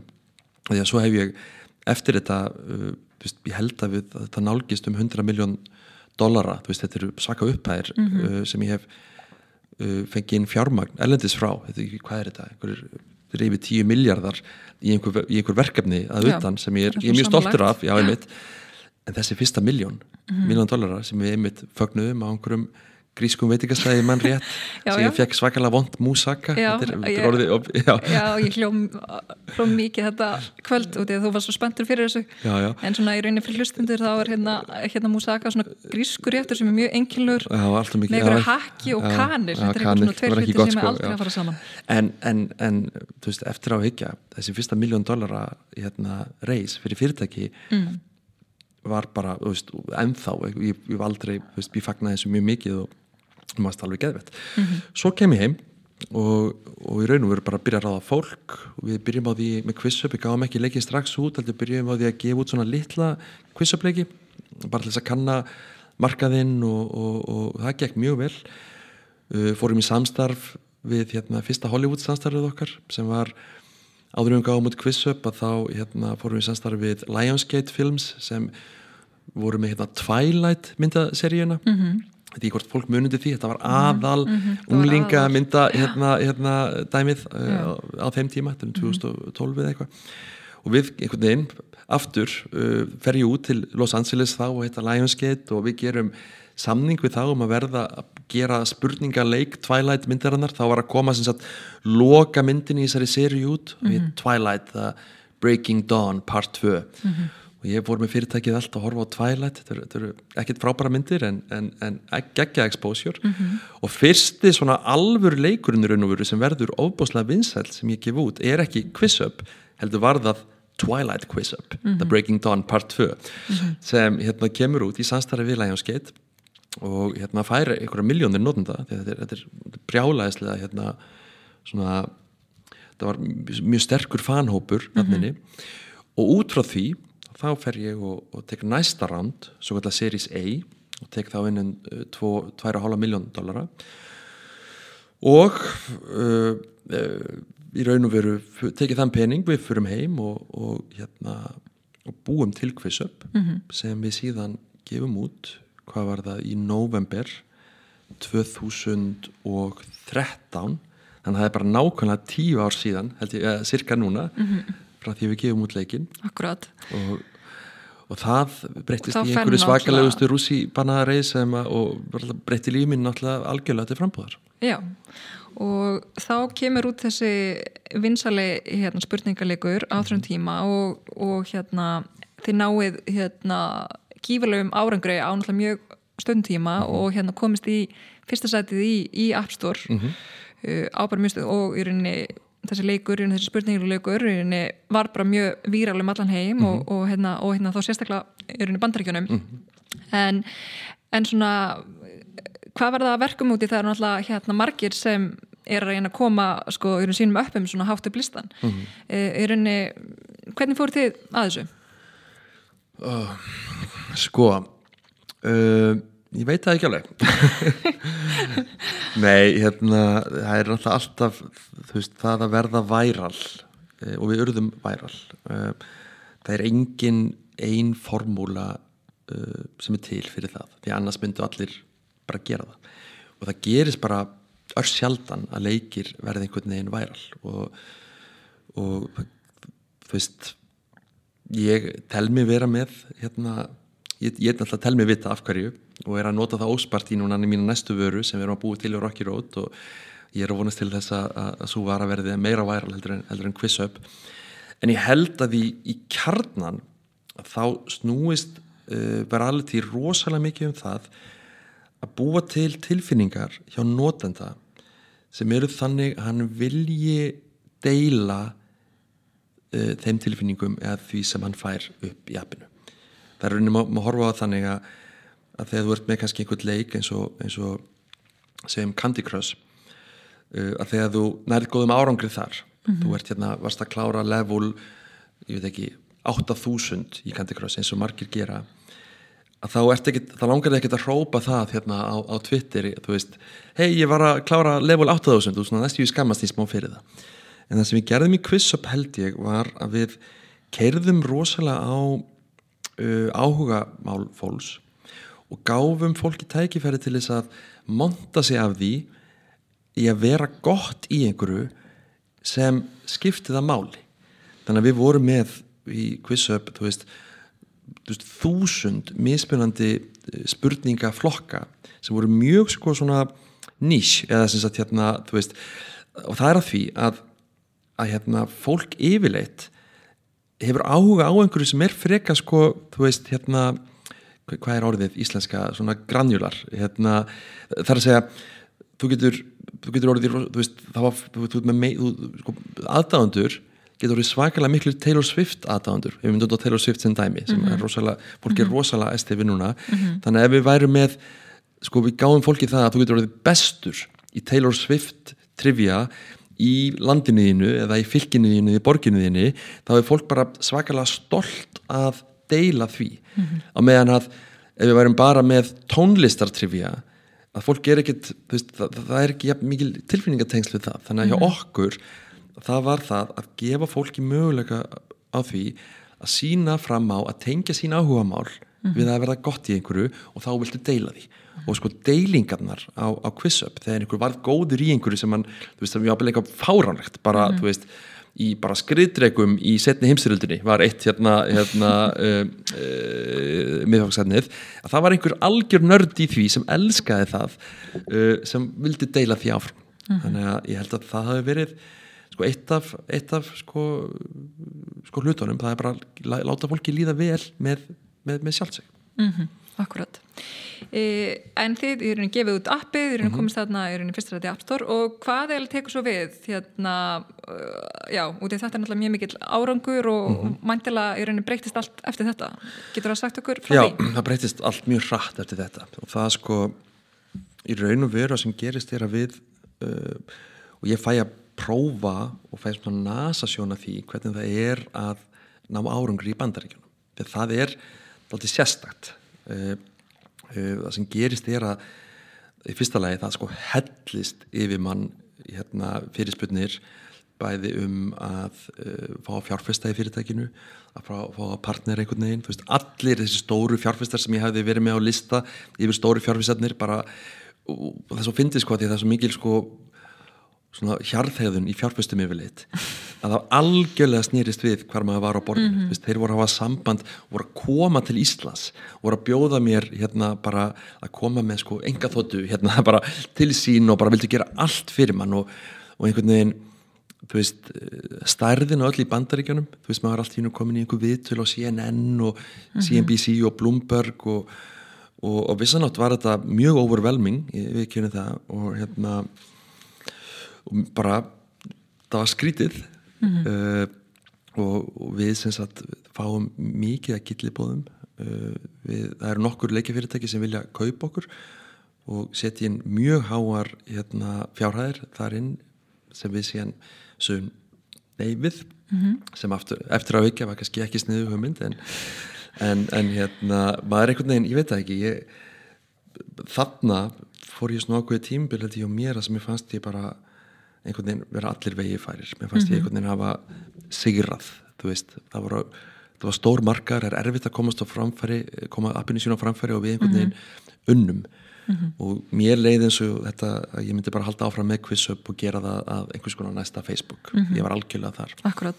þannig en... ég, ég neytaði þú veist, öllum, öllum gillibóðum en, en tókum samt inn rísafjármögnun, mm -hmm. tókum inn einhverja 30 miljónir dollara frá Sequoia og frá stórum fyrirtækjum og, mm -hmm. og þarna ætlum við bara að hérna, gera þetta stórt. Akkurat, en hérna getur sagt okkar aðeins hérna, ég er betur frá í þessum tilbúðum sem kom í, í hérna fyrirtækið og, og, og svona í rauninni hvaðan öfn voru að hafa samband og hérna flugu hérna til Íslands?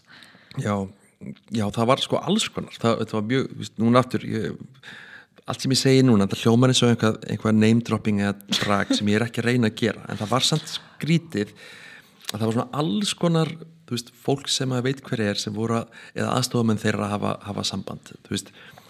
Bara stuttu eftir að maður hérna lónsaði að það voru einhverjir aðlar á vegum einhverja Hollywoodstjarnar, þú veist, það var hérna það var allir Mick Jagger, vildi endilega fá fjárfyrstæði fyrirtækinu, eitthvað alveg svona absúrt dæmi og, og maður bara sjá einmitt þannig að þegar við vorum eitthvað mainstream í bandaríkjónum að það voru sko svona stórstjörnur sem sem voru, kannski var spurning um í leiknum að deila því á sínum hérna, mm. þú veist hérna, social media accountum en En svo voru hérna uh, stór leikifyrirtæki sem hefur líka samband og þeir sem kannski fóru lengst í því var fyrirtæki sem heit Singa sem er svona eitt stærsta móbæl leikifyrirtækið í, í, í heiminum. Mm. og hérna þeir voru þeir sem gerðu upprunnulega Farmville sem að fólk mm -hmm. mann eftir frá Facebook. Facebook-leikurinn, Facebook já, svo er þeir með fullt af leikum og, og þeir voru mjög estir á því að, hérna, að fá að hérna, kaupa fyrirtækið og og flugu hingað til Íslands. Og ég man að við vorum ennþá bara lítið fyrirtæki á þessum tíma. Að þarna komu heitar, Markus Pinkus og, og, og Forstjóri Singa og við fórum út með þeim að borða og þeir, og þeir tókar, þetta var svona bíómyndatæmi sko, þeir hérna, sko, skrifuði einhver tilbóð á svona einhverjar nepkins og þetta var mjög stórukallalett og settur þú fram að mig og hérna, it's an offer you can't reject og allt, allir pakkin svo var alveg styrlað sko. En, en við einhvern veginn, við stjórnendur hjá QuizUp við, okkur fannst við hérna uh, bara ekkert gæti sýrað okkur og fannst bara algjörlega fáránlega hugmynd að selja fyrirtæki mm -hmm. og hérna og þeir voru að bjóða okkur hérna á þessum tíma í, veist, þetta voru eitthvað 150 miljónir dollara fyrir félagið sem er algjörlega styrlað mm -hmm. það hefur verið mjög stort exit það hefur verið mjög stort exit á öruglega það er náttúrulega hérna bara eitt af þeim stærstu á þeim tíma sem hefur hef verið. Mm -hmm. en, en við ákvæmum samt að taka uh, þá, þá hérna leið að, í staðin fyrir að taka exit beint að við tókum bara inn mikið fjármagn í staðin og ég einhvern veginn huggaði það aðeins við sjálf mig að ég, ég náði kannski sjálfur smá að, að þessu er oft gert til þess að láta mann að líka betur með, með að hafna einhvern stórum tilbúðum að maður að hérna, maður gæti fengið einhvern svona smá selt einhvað að sínu hlutu með sem ég gera þeim tíma sem ég er mjög ánægð með að hafa gert mm -hmm. uh, það breytti alveg lífið mínu en, en við bara heldum áfram og ætluðum að sýra heiminn og, og, og vorum næstum búin að því mm -hmm.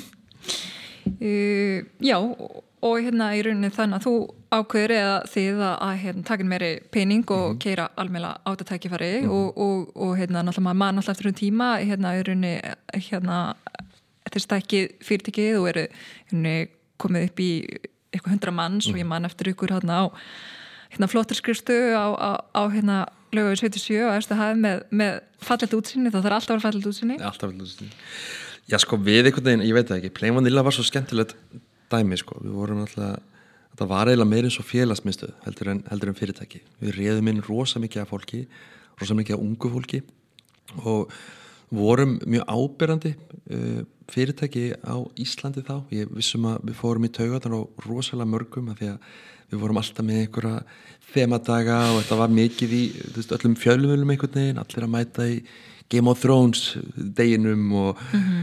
en það var bara svo ótrúlega gaman veist, við hérna, vorum í endalösum skíðaferðum og, og við reynir tókum bara svona pinlítið silikondals stereotypuna mm. algjörlega alla leið mm -hmm. við vorum með alla alla baunastólana og fúsbálborðin og, og þemadagana og, og hérna og bara, þú veist það var bara gaman mm -hmm. og hérna, já og náttúrulega líka í rauninni góðulegð í rauninni til að sækja sagt, eftir sótt uh, fólk eða í rauninni starfsapl þannig að þetta hjálpa líka algjörlega og, og þetta var, ég segi, það var við vorum alveg, og ég, ég fann það alveg að þetta að ganga sem allra best þegar við erum hann að nummer eitt og, og, og að við vorum alveg pínu þegar Íslandikum finnst alltaf gaman þegar að Íslandikum gengur vel ellendis mm -hmm. einhvern veginn að mér leið alveg eins og við varum pínu svona óskapar þjóðverðarnar mm -hmm. mikið, mikið umfyllun uh, þú veist, ég fekk, maður fekk alls konar, ég var valin að viðskipta maður ásins og bara, mm -hmm. maður fekk alveg svona úrhellið einhvern veginn af viðkenningu og feedbacki og ég viðkennu það alveg, mér finnst það mjög gaman Vist, ég hef búin einhvern veginn að það hefur alveg upp svona það hefði fengið aldrei hart feiljur með múkis og með leiðsóldið eins og bara, að, bara þetta hefur verið veist, við hefum gert hlutinu rétt mm -hmm. og, og, og, var mjög stoltur hérna að því mm -hmm. gagvart, gagvart bara fjölskyldu og, og öllum Eðlilega uh, en, en hérna þið náðu alveg upp í eitthvað um hérna 100 miljónur notendur sem mm -hmm. er mhm. náttúrulega mjög góður árangur mm -hmm. uh, en hvernig heldur þetta svo áfram og, og þróast hjá ykkur?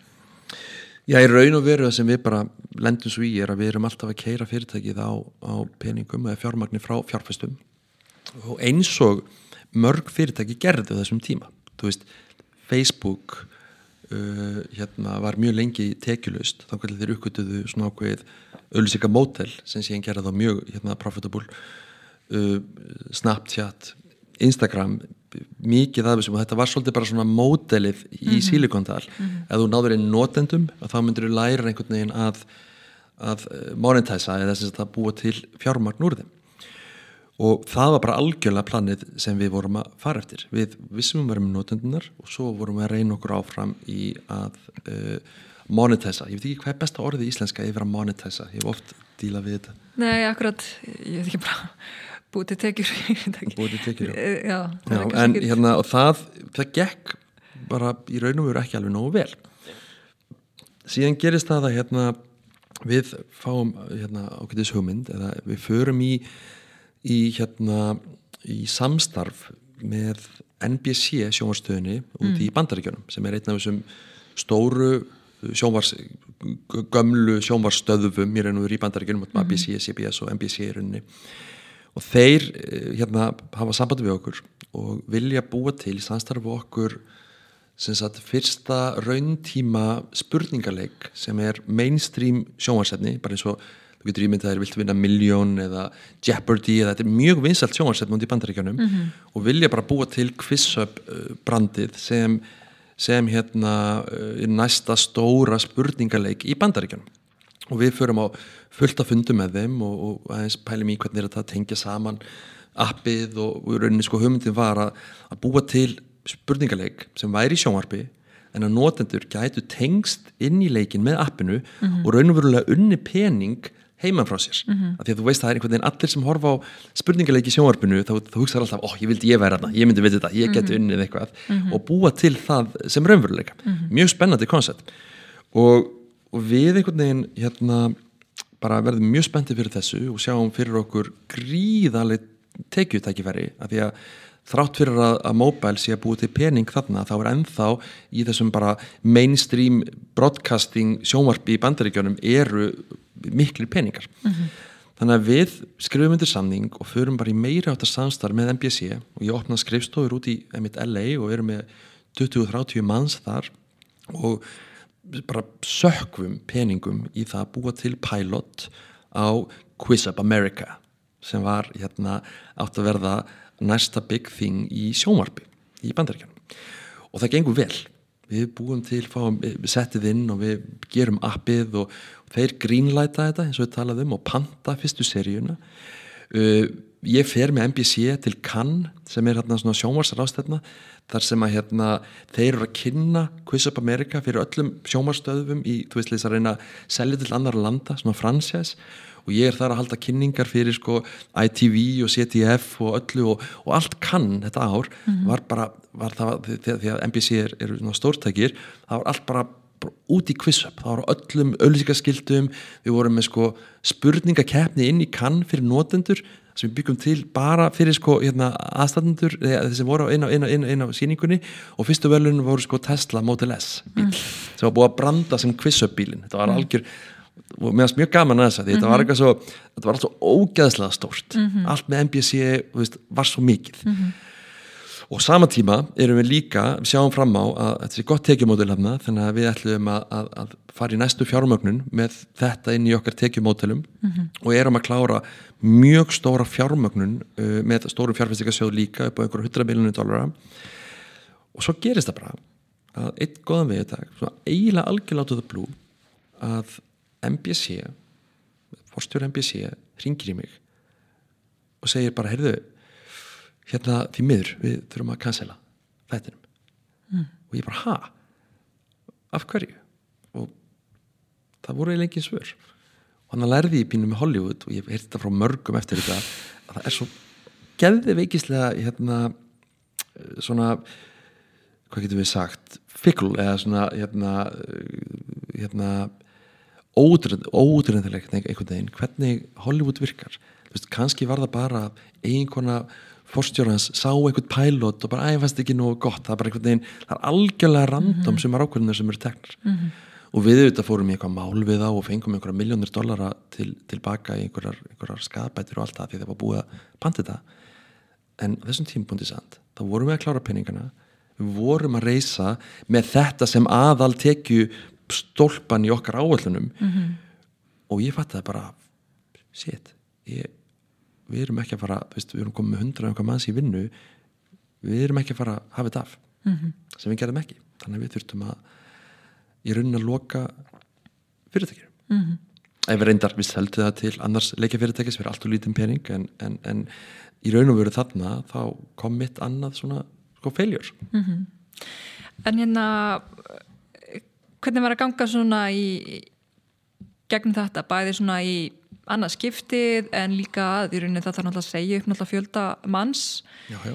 Uh, og hérna svona hvernig er að svona persónulega gangi gegnum svona ferli?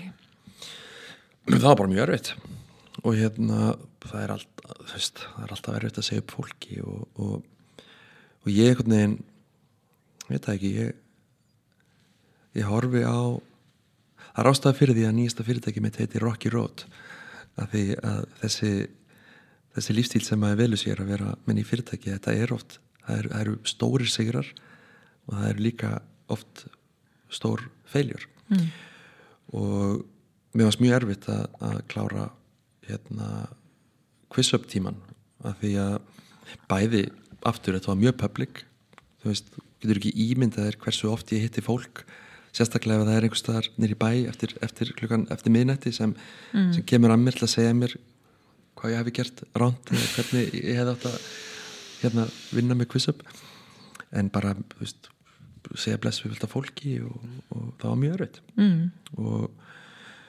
en ég held ég að við lært alveg eins og að Múkis lært mjög mikið af því mm -hmm.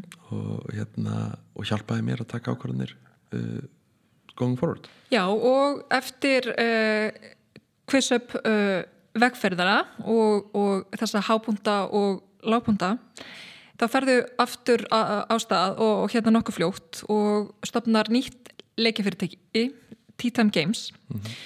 e, getur sagt okkur svona aðeins frá því og, og líka vandala, þú ert að fara þannig á staðurinni í hérna þriða skipti þess að þú er búin að gefa múkis og quiz up mm -hmm. og svona, er, hvað er hugsaður með því bara svona, heyrðu, ég er búin að læra þetta, núna ætlum ég að passa að gera þetta ekki og gera þetta allt öðru í sig Já, ég, sko, ég held persónlega, ég hafi farið aðeins ofsnemma stað með Tea Time Games. Ég held að svona eftir áveikja þess að ég kannski meira læra af öllum mistökum núna í núverandi fyrirtæki, Rocky Road, að því að sko eftir quiz-up var lokað að það var einhvern veginn að það, það var alveg, ég held, ég held sko að ég hafi ekki alveg átt af mig á því hversu nærri mér ég, hversu, hversu sko erfitt það var fyrir mig. Þannig að ég er bara óð af stað í næsta. Það er álið þekkt dæmi sko þegar maður er þegar maður lýr ekki, þú veist, kannski nógu vel að maður bara vil einhvern veginn að bara vinna, vinna mm -hmm. meira á svolítið þannig. Bara sjokkar sér vinnu. Sjokkar sér vinnu sko. En, hérna, en ég syns að við í rauninni fjórir eh, sem vorum allir stjórnendur hjá QuizUp stopnum saman Tea Time Games. Og hérna og það gengur, þú veist, við förum vera bara beint í það, við erum með svona óljósa hugmyndum hvað er sem við viljum gera. Uh, og það, það, umhverfið þá er það þannig að það er mjög öðvöld að fá fjármagn. Og bæða því að við hefum sínt árangur með QuizUp, þótt að við enda svona þá náðum við miklu árangur með QuizUp og þannig að við fáum inn frábæra fjárfesta mjög uh, rætt inn í ferlið og í rauninni reysum allt og mikið pening. Eh, það var líka auðvelt að reysa þessum tíma. Ég held að við mm -hmm. Reysaðum 10 miljón dólar eða eitthvað, bara, mm -hmm. bara strax. Frá okkur að uh, meðalans Index Ventures og Index Ventures og Atomico og bara svaka flottu sjóðum. portfóljó og hérna og uh, vinnum þetta. Þarna er mitt lærið í smá. Það er oft, stundum finnst mér að hérna að það sé ekki of gott að reysa of mingin pening of snemma. Því þá verður þetta of þægilegt. Veist, það er oft neyðinkenni naktur í kona spinna það er oft svolítið gott að vera ekki alveg nógu mikið rannvei því þá bara það neyðir til þess að hugsa hlutinu öðruvísi og, og oft vera meira innovativ það er, mm -hmm. það er önnur ella getum talað um það setna mm. en við fórum að stað uh, með, með Tea Time og, og, og erum með svona hugmyndum það að blanda saman videotjatti og leikum og þetta gekkur út af það að gera leiki persónulegri þannig ímyndaði þeir að, að þú varst að spila uh, einhvern einfaldan leik nema þú sást hína manneskjuna þú veist, í gegnum bara svona eins og í gegnum FaceTime tjatt á sama tíma og, og þú verður að spila mm -hmm. uh, við gáum út nokkulega ekki þeir gengu ekkert, ekkert frábælega vel og við uppgötum að freka snemma að það væri ekki sniðu hugmynd að þurfa að halda símanum sínum svona beintir fram en andlitið með að spila leik allan tíma þannig að yfirleitt þegar fólk var að spila þetta þá sá maður bara svona höguna á manneskjunni sem varst að spila við sem var ekki mjög flattring mm. þannig að það var ímislegt sem var að hugmyndinni mm. en við breyttum þessu svo í það að nota avatara í staðin og við bara gerðum alls konar og prófum okkur alls konar áfram uh, uh, og gáum og lokum út eitt leik sem er Trivia Royale sem gekk reyndar mjög mjög vel mm. uh, og hann var aftur nummer eitt uh, í hérna í bandaríkjunum -hmm. og þá pínum fyndið að, að þú veist einhvern veginn búin að gefa út alls konar leiki og svo lókum var það annar spurningaleikur mm -hmm. sem hérna þú veist að því mér fannst ég vera svolítið bara komin, komin búið með það mm -hmm. en svo var það annar spurningaleikur greinilega bara á ég bara að gera spurningaleikur nei. Nei en hérna en hann var mjög missall og við kunnum það greinilega vel og, og hérna og náði góðum árangri og, og náði við actually náðum að, að búið smá pening úr því. En það enda svo á því að við sem sagt fáum uh, á áhuga saman kaupanda af hérna, fyrirtækinu sem var Amazon mm. Amazon hefur samband uh, og ég er spenntur fyrir því þú veist ég hefði sleppt þessari sölu hérna á QuizHub til, til Singa og núna fannst mér í svolítið ok, heyrðu við getum selgt þetta fyrir 100 miljón dólar eða eitthvað og þá bara, þú veist er mm -hmm. það mhm. búin að brúða svolítið að, hérna, að gera upp fyrir mistökinn hafi ekki selgt á sínum tíma mm. en þá fer ég mjög og, og þetta er eiginlega, ég ætla að segja það að í öllum mínum starfsferðli og karjér þá fór ég inn í einhvern leiðilegasta tíma í hérna sem ég upplifað í sem frungöðl að það var sem sagt samningaviðræðunar við Amazon og eitthvað sem að þeir kom inn rosalega spendir uh, og vildi bara klára þetta sem fyrst og ég var alveg til í það. Og svo fer þetta í gegnum sko, ég, ég ætla ekki að sko hundruða uh, hérna, Zoom-funda með, með, hérna, með lögfræðiteimum bæði okkar og Amazon og þetta var á þeim tíma sem COVID var þannig að það var aldrei þetta hittast mér lífsundum mm -hmm. eins og bara að að það er mín reysla, það er ofta betra bara að klára okkur samning að bara geta hitt mannesku og, mm -hmm. en það var ekki möguleik á þessum tíma og þetta tók næstu því ár og sama tíma að þá misti maður fókus á vörunni sjálfri og það er mjög mikilvægt sérstaklega í móbæl að þú gefur ekki út vöru og þú ætti að fylgja henni eftir og, og, og bara einn fókus sem var bara að klára hennan samning og þetta var einhvern veginn svona byð sem var þannig að þetta verður eftir tvær vikur þú veist, þú ert að býða mm -hmm. það er alltaf svona stuttir þú veist, bara tvær vikur viðbútt, tvær vikur viðbútt tvær vikur mhm. viðbútt í, þú veist, ár mm -hmm. að þetta algjörlega sko að mér fannst sko vatn alla orku úr mér og endanum þá voru bara tölunar búin að, hérna, að lækka hjá okkur eða sem sagt mhm. hérna bara hvernig leikurinn var að standa sig mm -hmm. og þeir voru alltaf að minga og minga hérna, tilbúið í raun og veru og það var orðið svona veist, það, er, það er ekki gott að vera bara með einn einn að bjóða í. Þú veist, þú vilt, það er góð, góð leksi að þú vilt hafa smá sangefni sem við sannarlega bara máluðum okkur út í hodn og ég í raun og veru uh, fann bara þeim tíma þegar það er hérna uh, við erum að sjá eftir að rekka í stranda einhvern veginn þess að viðræður að ég bara, bara einhvern veginn var orðin orkulus og þetta er eina skiptið í mínum ferðlega sem ég bara ég nefndi syklingur og það var alveg, þú veist, það var mhm. leðilegt þannig í staðin fyrir það að, að við hefum mögulega getað mögulega búið til einhver vermaðtúrisu en þá bara setjum við félagið í þrótt mm -hmm. sem er í fyrskitt sem ég hef gert það. Þetta er eina félagið sem ég sett í þrótt var títam og mér leiði einhvern veginn eins og það væri já, það, það var bara, þú veist, ákvörðun bæði ég og ég veit að bæði að líka mínir meðstofnundur voru mjög þreytir og þetta var mjög þreytandi hérna ferli. Þannig að við gerum það fyrir hvað, hvað þreymur árum síðan að við setjum títam í þrótt og það verða engin verðmæti til úr því. Ólíkt QuizUp sem þó bjóð til talsverði verðmæti fyrir, fyrir marga og, og mig sérstaklega það bara, títam var bara ég tapaði, tapaði á því og, og tapaði mjög mikið af peningum fyrir fjárfesta. Mm -hmm. þannig að hérna það var bara þessi tími, þessi Amazon sala var, var held ég minn erfiðasti tími í mínu, mínu svona, mínum ferli.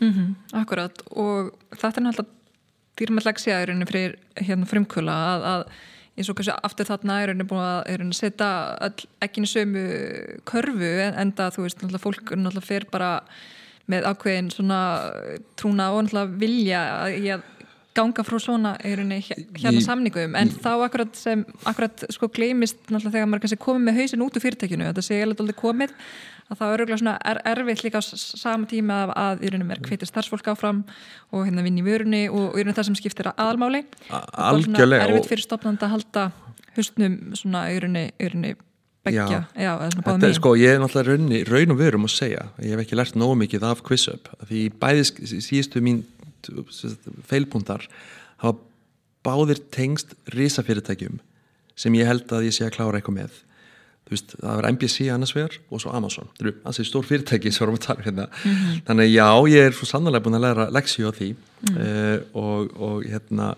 en sko líka með time ég bara, ég held að það vil líka spila á hverjum part þar að ég bara var á fljótur, ég var ekki alveg búin að prósessa QuizUp þegar ég stopnaði títam og þá töfum við náðu þessum meina successi að ná aftur appi í fyrsta sæti sem ég er mjög mhm. stoltur af ég meina ég, þetta eru held ég einu, tvö íslensku appin sem hafa náð fyrsta sæti í bandaríkjónu líklegast og, og hérna og ég, mér finnst gaman að búa til leiki og upp og ég held að við séum þú veist nokkuð góðið því mm -hmm. uh, en, en þetta er rosalega brútal heimur, sérstaklega corporate America og þegar að díla við sko sko hérna lögfræðiteimin hjá Amazon eða veist, NBC eða eitthvað mm -hmm. er, og þarf þetta að búa til ákveðna svona harða skil í kringu því hvað þetta verðar mm -hmm. þannig að já, ég ætla sko ekki að, að, að því að nú er ég mjög spenntur við komum að þess að því mm -hmm. því sem mhm. við erum að búa til hjá Rocky Road Akkurat en hérna við ætlum að reyna að lenda ekki aftur í þessu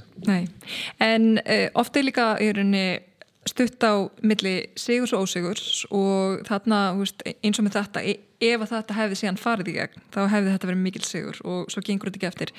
Þannig að það er svona, ég einn margt í þessu. Það er sko, eitt sem ég lærði í Oxford, en er algjört common sense. Það er kallað hérna locust of control. Þetta er eitthvað svona sálfræði heiti. Það er hérna það er sko það að við sem manneskjur að við hefum, við hefum þann tendensi, ég hefum það til að þegar eitthvað gengur rosa vel að þá þökkum við okkar eigin hæfni fyrir það. En þegar eitthvað gengur illa að þá kennum við einhverju eksternal um. Og þetta er óbáslega bara mannlegt hjá manni að ef þetta hefði gengið vel með Amazon eða eitthvað þá hefði ég þakka sjálfuð mér hvað ég væri klári eða hvað sem það er. En ef eitthvað gengur illa þá er það markastæðstæður eða COVID, það er alltaf eitthvað external. Mm. og ég er svona í gegnum tíðina því ég þurfti að díla við alls konar failures og success reynda að hafa þetta í huga að þetta er alltaf sambland af, af, af báðu. Og þegar maður gengur eitthvað vel þá er það ekki bara því að maður er klár það er alls konar utanaukomandi hefni og, og, og, gott fólk sem maður vinnur með og allt það og ég er náttúrulega líka. Þannig að ég held að það sé mjög góð leksja fyrir alla frumkvöla er, er að muna þetta. Mm -hmm, Akkurát eh, En ef við ræðum aðeins hérna nýja fyrirtækið eitt mm -hmm. Rocky Road sem þú stopnaðir hérna með Valgeri Haldarsdóttur mm -hmm. uh, kannst örgulega ekki fundi betri hérna kófandir Ég er náttúrulega búin að vinna með völu í, í sko hún náttúrulega við, við kynntumst ykkur bara hérna út í San Francisco fyrir meirinn tíu árum síðan uh, þegar við erum að byrja með Playvanilla mm -hmm. svo mhm. kemur hún yfir í Playvanilla og Quiz Up hún kemur líka yfir í T-Time mm -hmm. uh, og núna erum við að stopna þetta fyrirtæki saman og, og hérna ég samála því. Mm -hmm. Það er gott að velja sér fólk sem er búin að vinna lengi með og, og, og veist hvað þú færð. Já, og hérna þið eru búin að vinna lengi saman. Mm -hmm. En getur sagt okkur svona hvað fyrir ekki gerir og svona hverju þið er að vinna að uh, þessa dagana?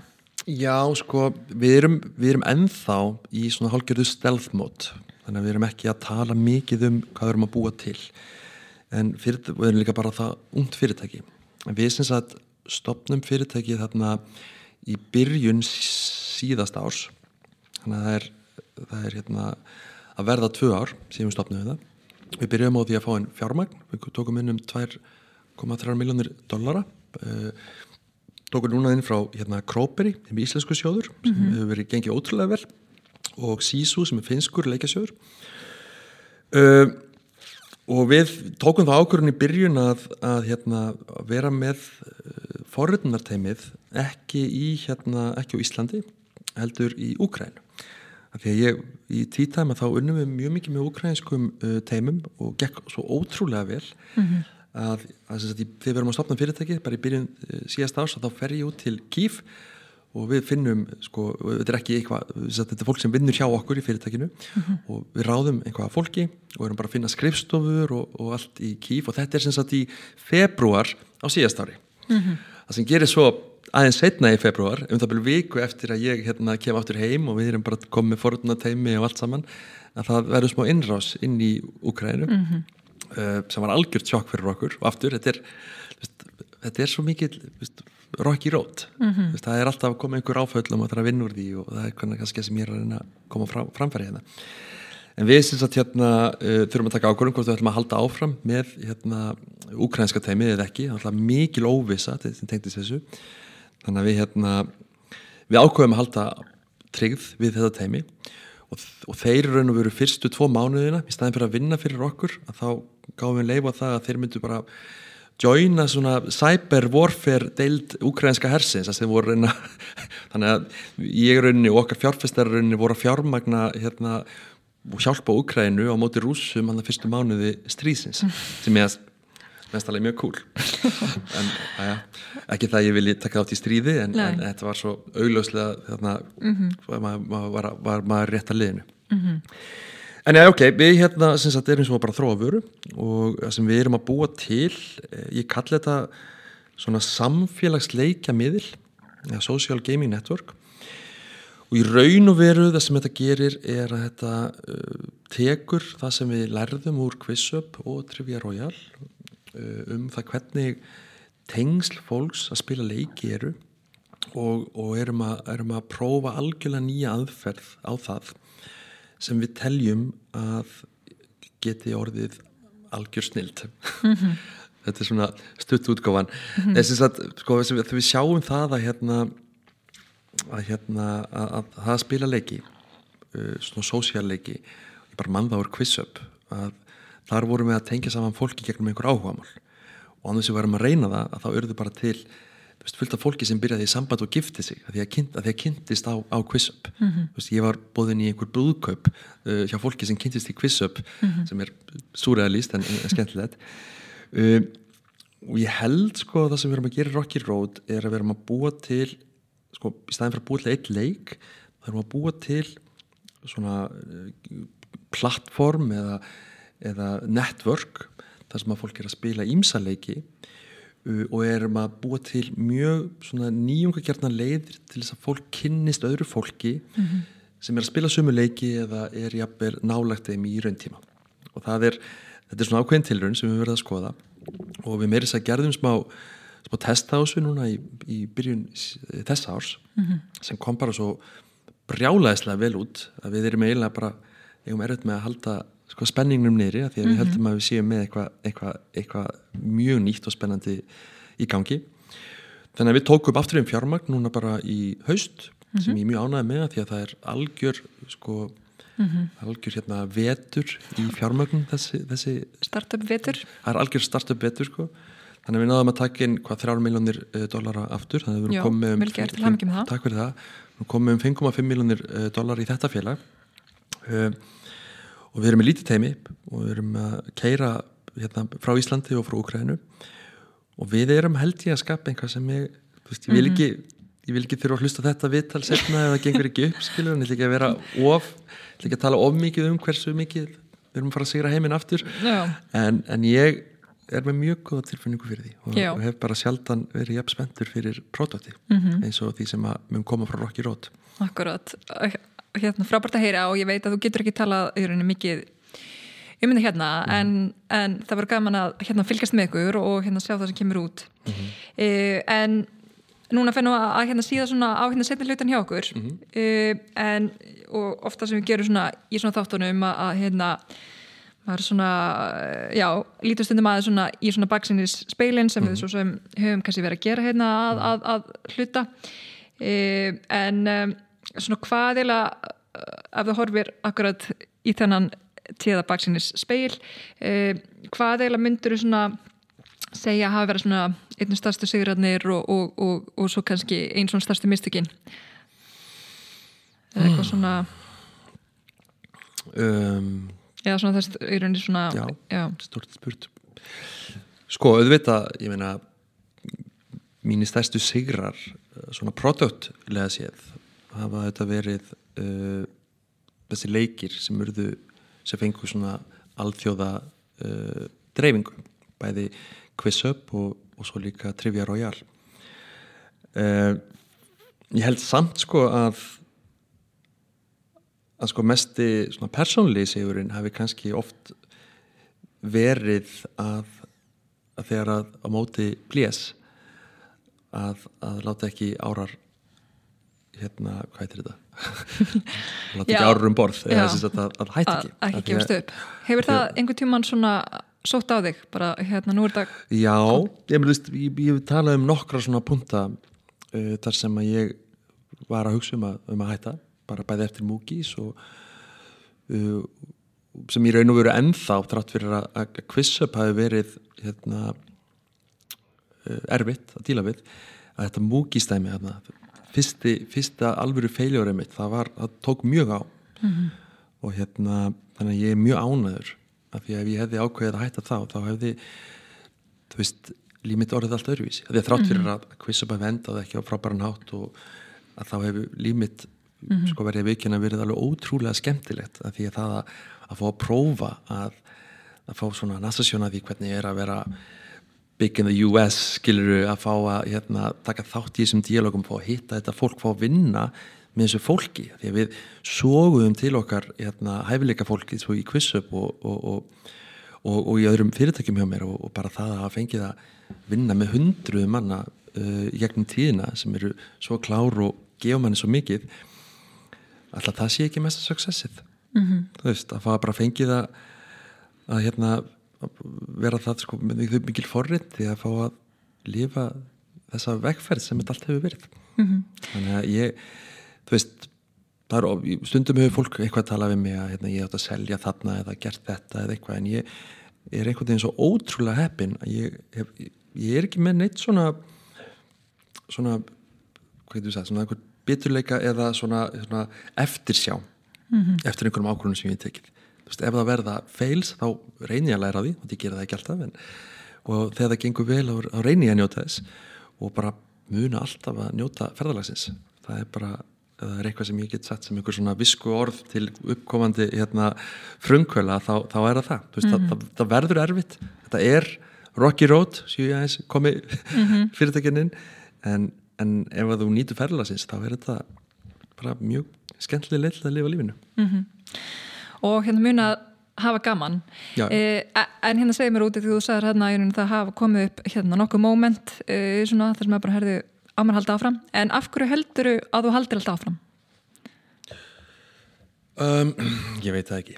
Ég ætla að það eru örugglega bara einhver veist, það eru örugglega bara persónleiki sko. ég, það er engin, engin, engin ákveðin það er engin ákveðin ég, jú, ég veist, ég á, ég, það er ein saga sem ég geti kannski endað á sko. að hérna þetta er bara, hún er svo, hún er svo hérna væmin eitthvað, að ég veit ekki hvort það, það, það fari fyrir brjóstið á fólki sem hlustar á okkur en, en, þegar að sagt, var, var hérna uh, fór niður og þá var ég, þá var ég algjörlega þú veist, botninum, þú veist, ég bara skuldaði 20 eitthvað miljónir þú veist, ég bara ímyndið ykkur í svona íslenskri bíómynd, ég verið í strætó þú veist, ég ferðaðist um, þú veist, alltaf þegar alltaf þegar, þú veist, fólk er algjörlega down on their luck þá kemur í íslenskum bíómyndu myndaðum í strætó. Það er bara sínt þú veist, svona með hausinn upp í gluggan eitthvað Rigning. Rigning og einhvað sko. En hérna, ég átti alveg svona moment, sant, ég man, ég er heima hjá mömmu minni sem hefur alltaf verið mjög góð stundingu við mig og, og hérna og hún uh, ég er bara eitthvað grátandi þarna við borðið, þú veist, ég er með tvekkja barna faðir og tap öllu einhvern veginn, mér fannst ég bara að vera algjör feiljur að hún sem sagt hérna, drefur fram ljóðabók. Og veit þetta, eftir þetta hljómar korni, en það var sem sagt það var eitt ljóð eftir sem sagt Hannes Hafstein sem að hún bara bað, spurði mig hvort hún mætti lesa eitt upp fyrir mig. Og mér leist nú ekkert á þetta svo sem en, en, en það var þannig að Hannes Hafstein vist átti mjög erfiða erfið uppvakstar ára eitthvað, eitthvað það geti ekki alveg nógu vel en, en, áttu við mikla erfileika misti konu og börn og, og fekk mikla erfileika yfir sig og hann skrifa ljóð sem heitir Ég elskaði stormur sem snýst um hvernig maður þurfa alltaf að taka ákvörðun þegar maður lendir í erfileikum um hvort að, og stormurinn er hérna erfileikarnir hvort þú ætlir að leifa stormunum að blása, láta sko, feika þér í burtu eða hvort þú snýrði við og notir hann til þess að, til þess að hérna, þennja út seglin mm. á bátniðinum og þetta ljóði geggjaf ég er þess að með þetta prentaði þetta út og er með þetta hérna, upp á vegg að hérna uh, að það er sem sagt ljóðið ég elskaði stormur, ég man hún las það upp fyrir mig hann við eldúsporið heima og þetta bara, það er eitthvað sem gerðist ég man ég bara fekk einhverja sálu hjálp við þetta mm. og ákvað bara, ég, ég verða að reyna aftur veist. þá kom quizupugmyndin, þá held þetta áfram þannig að jú, ég meina ef að þið eruð einhver tíman og nú tala ég við hlustendur.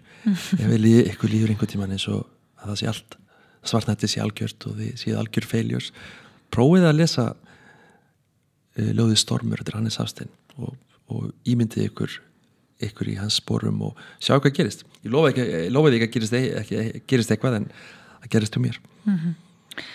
Þetta eru falleg loka orð uh, Þorstur Baldur Freyrusson takk kærlega fyrir komina Takk fyrir mig vilt heyra fleiri sugur af aðtapnafólki þá hveti þið til að íta á subscribe-nappin á hlavarspöytunni þinni og fylgja okkur á samfélagsmiðlum. Ekki missa af næsta þætti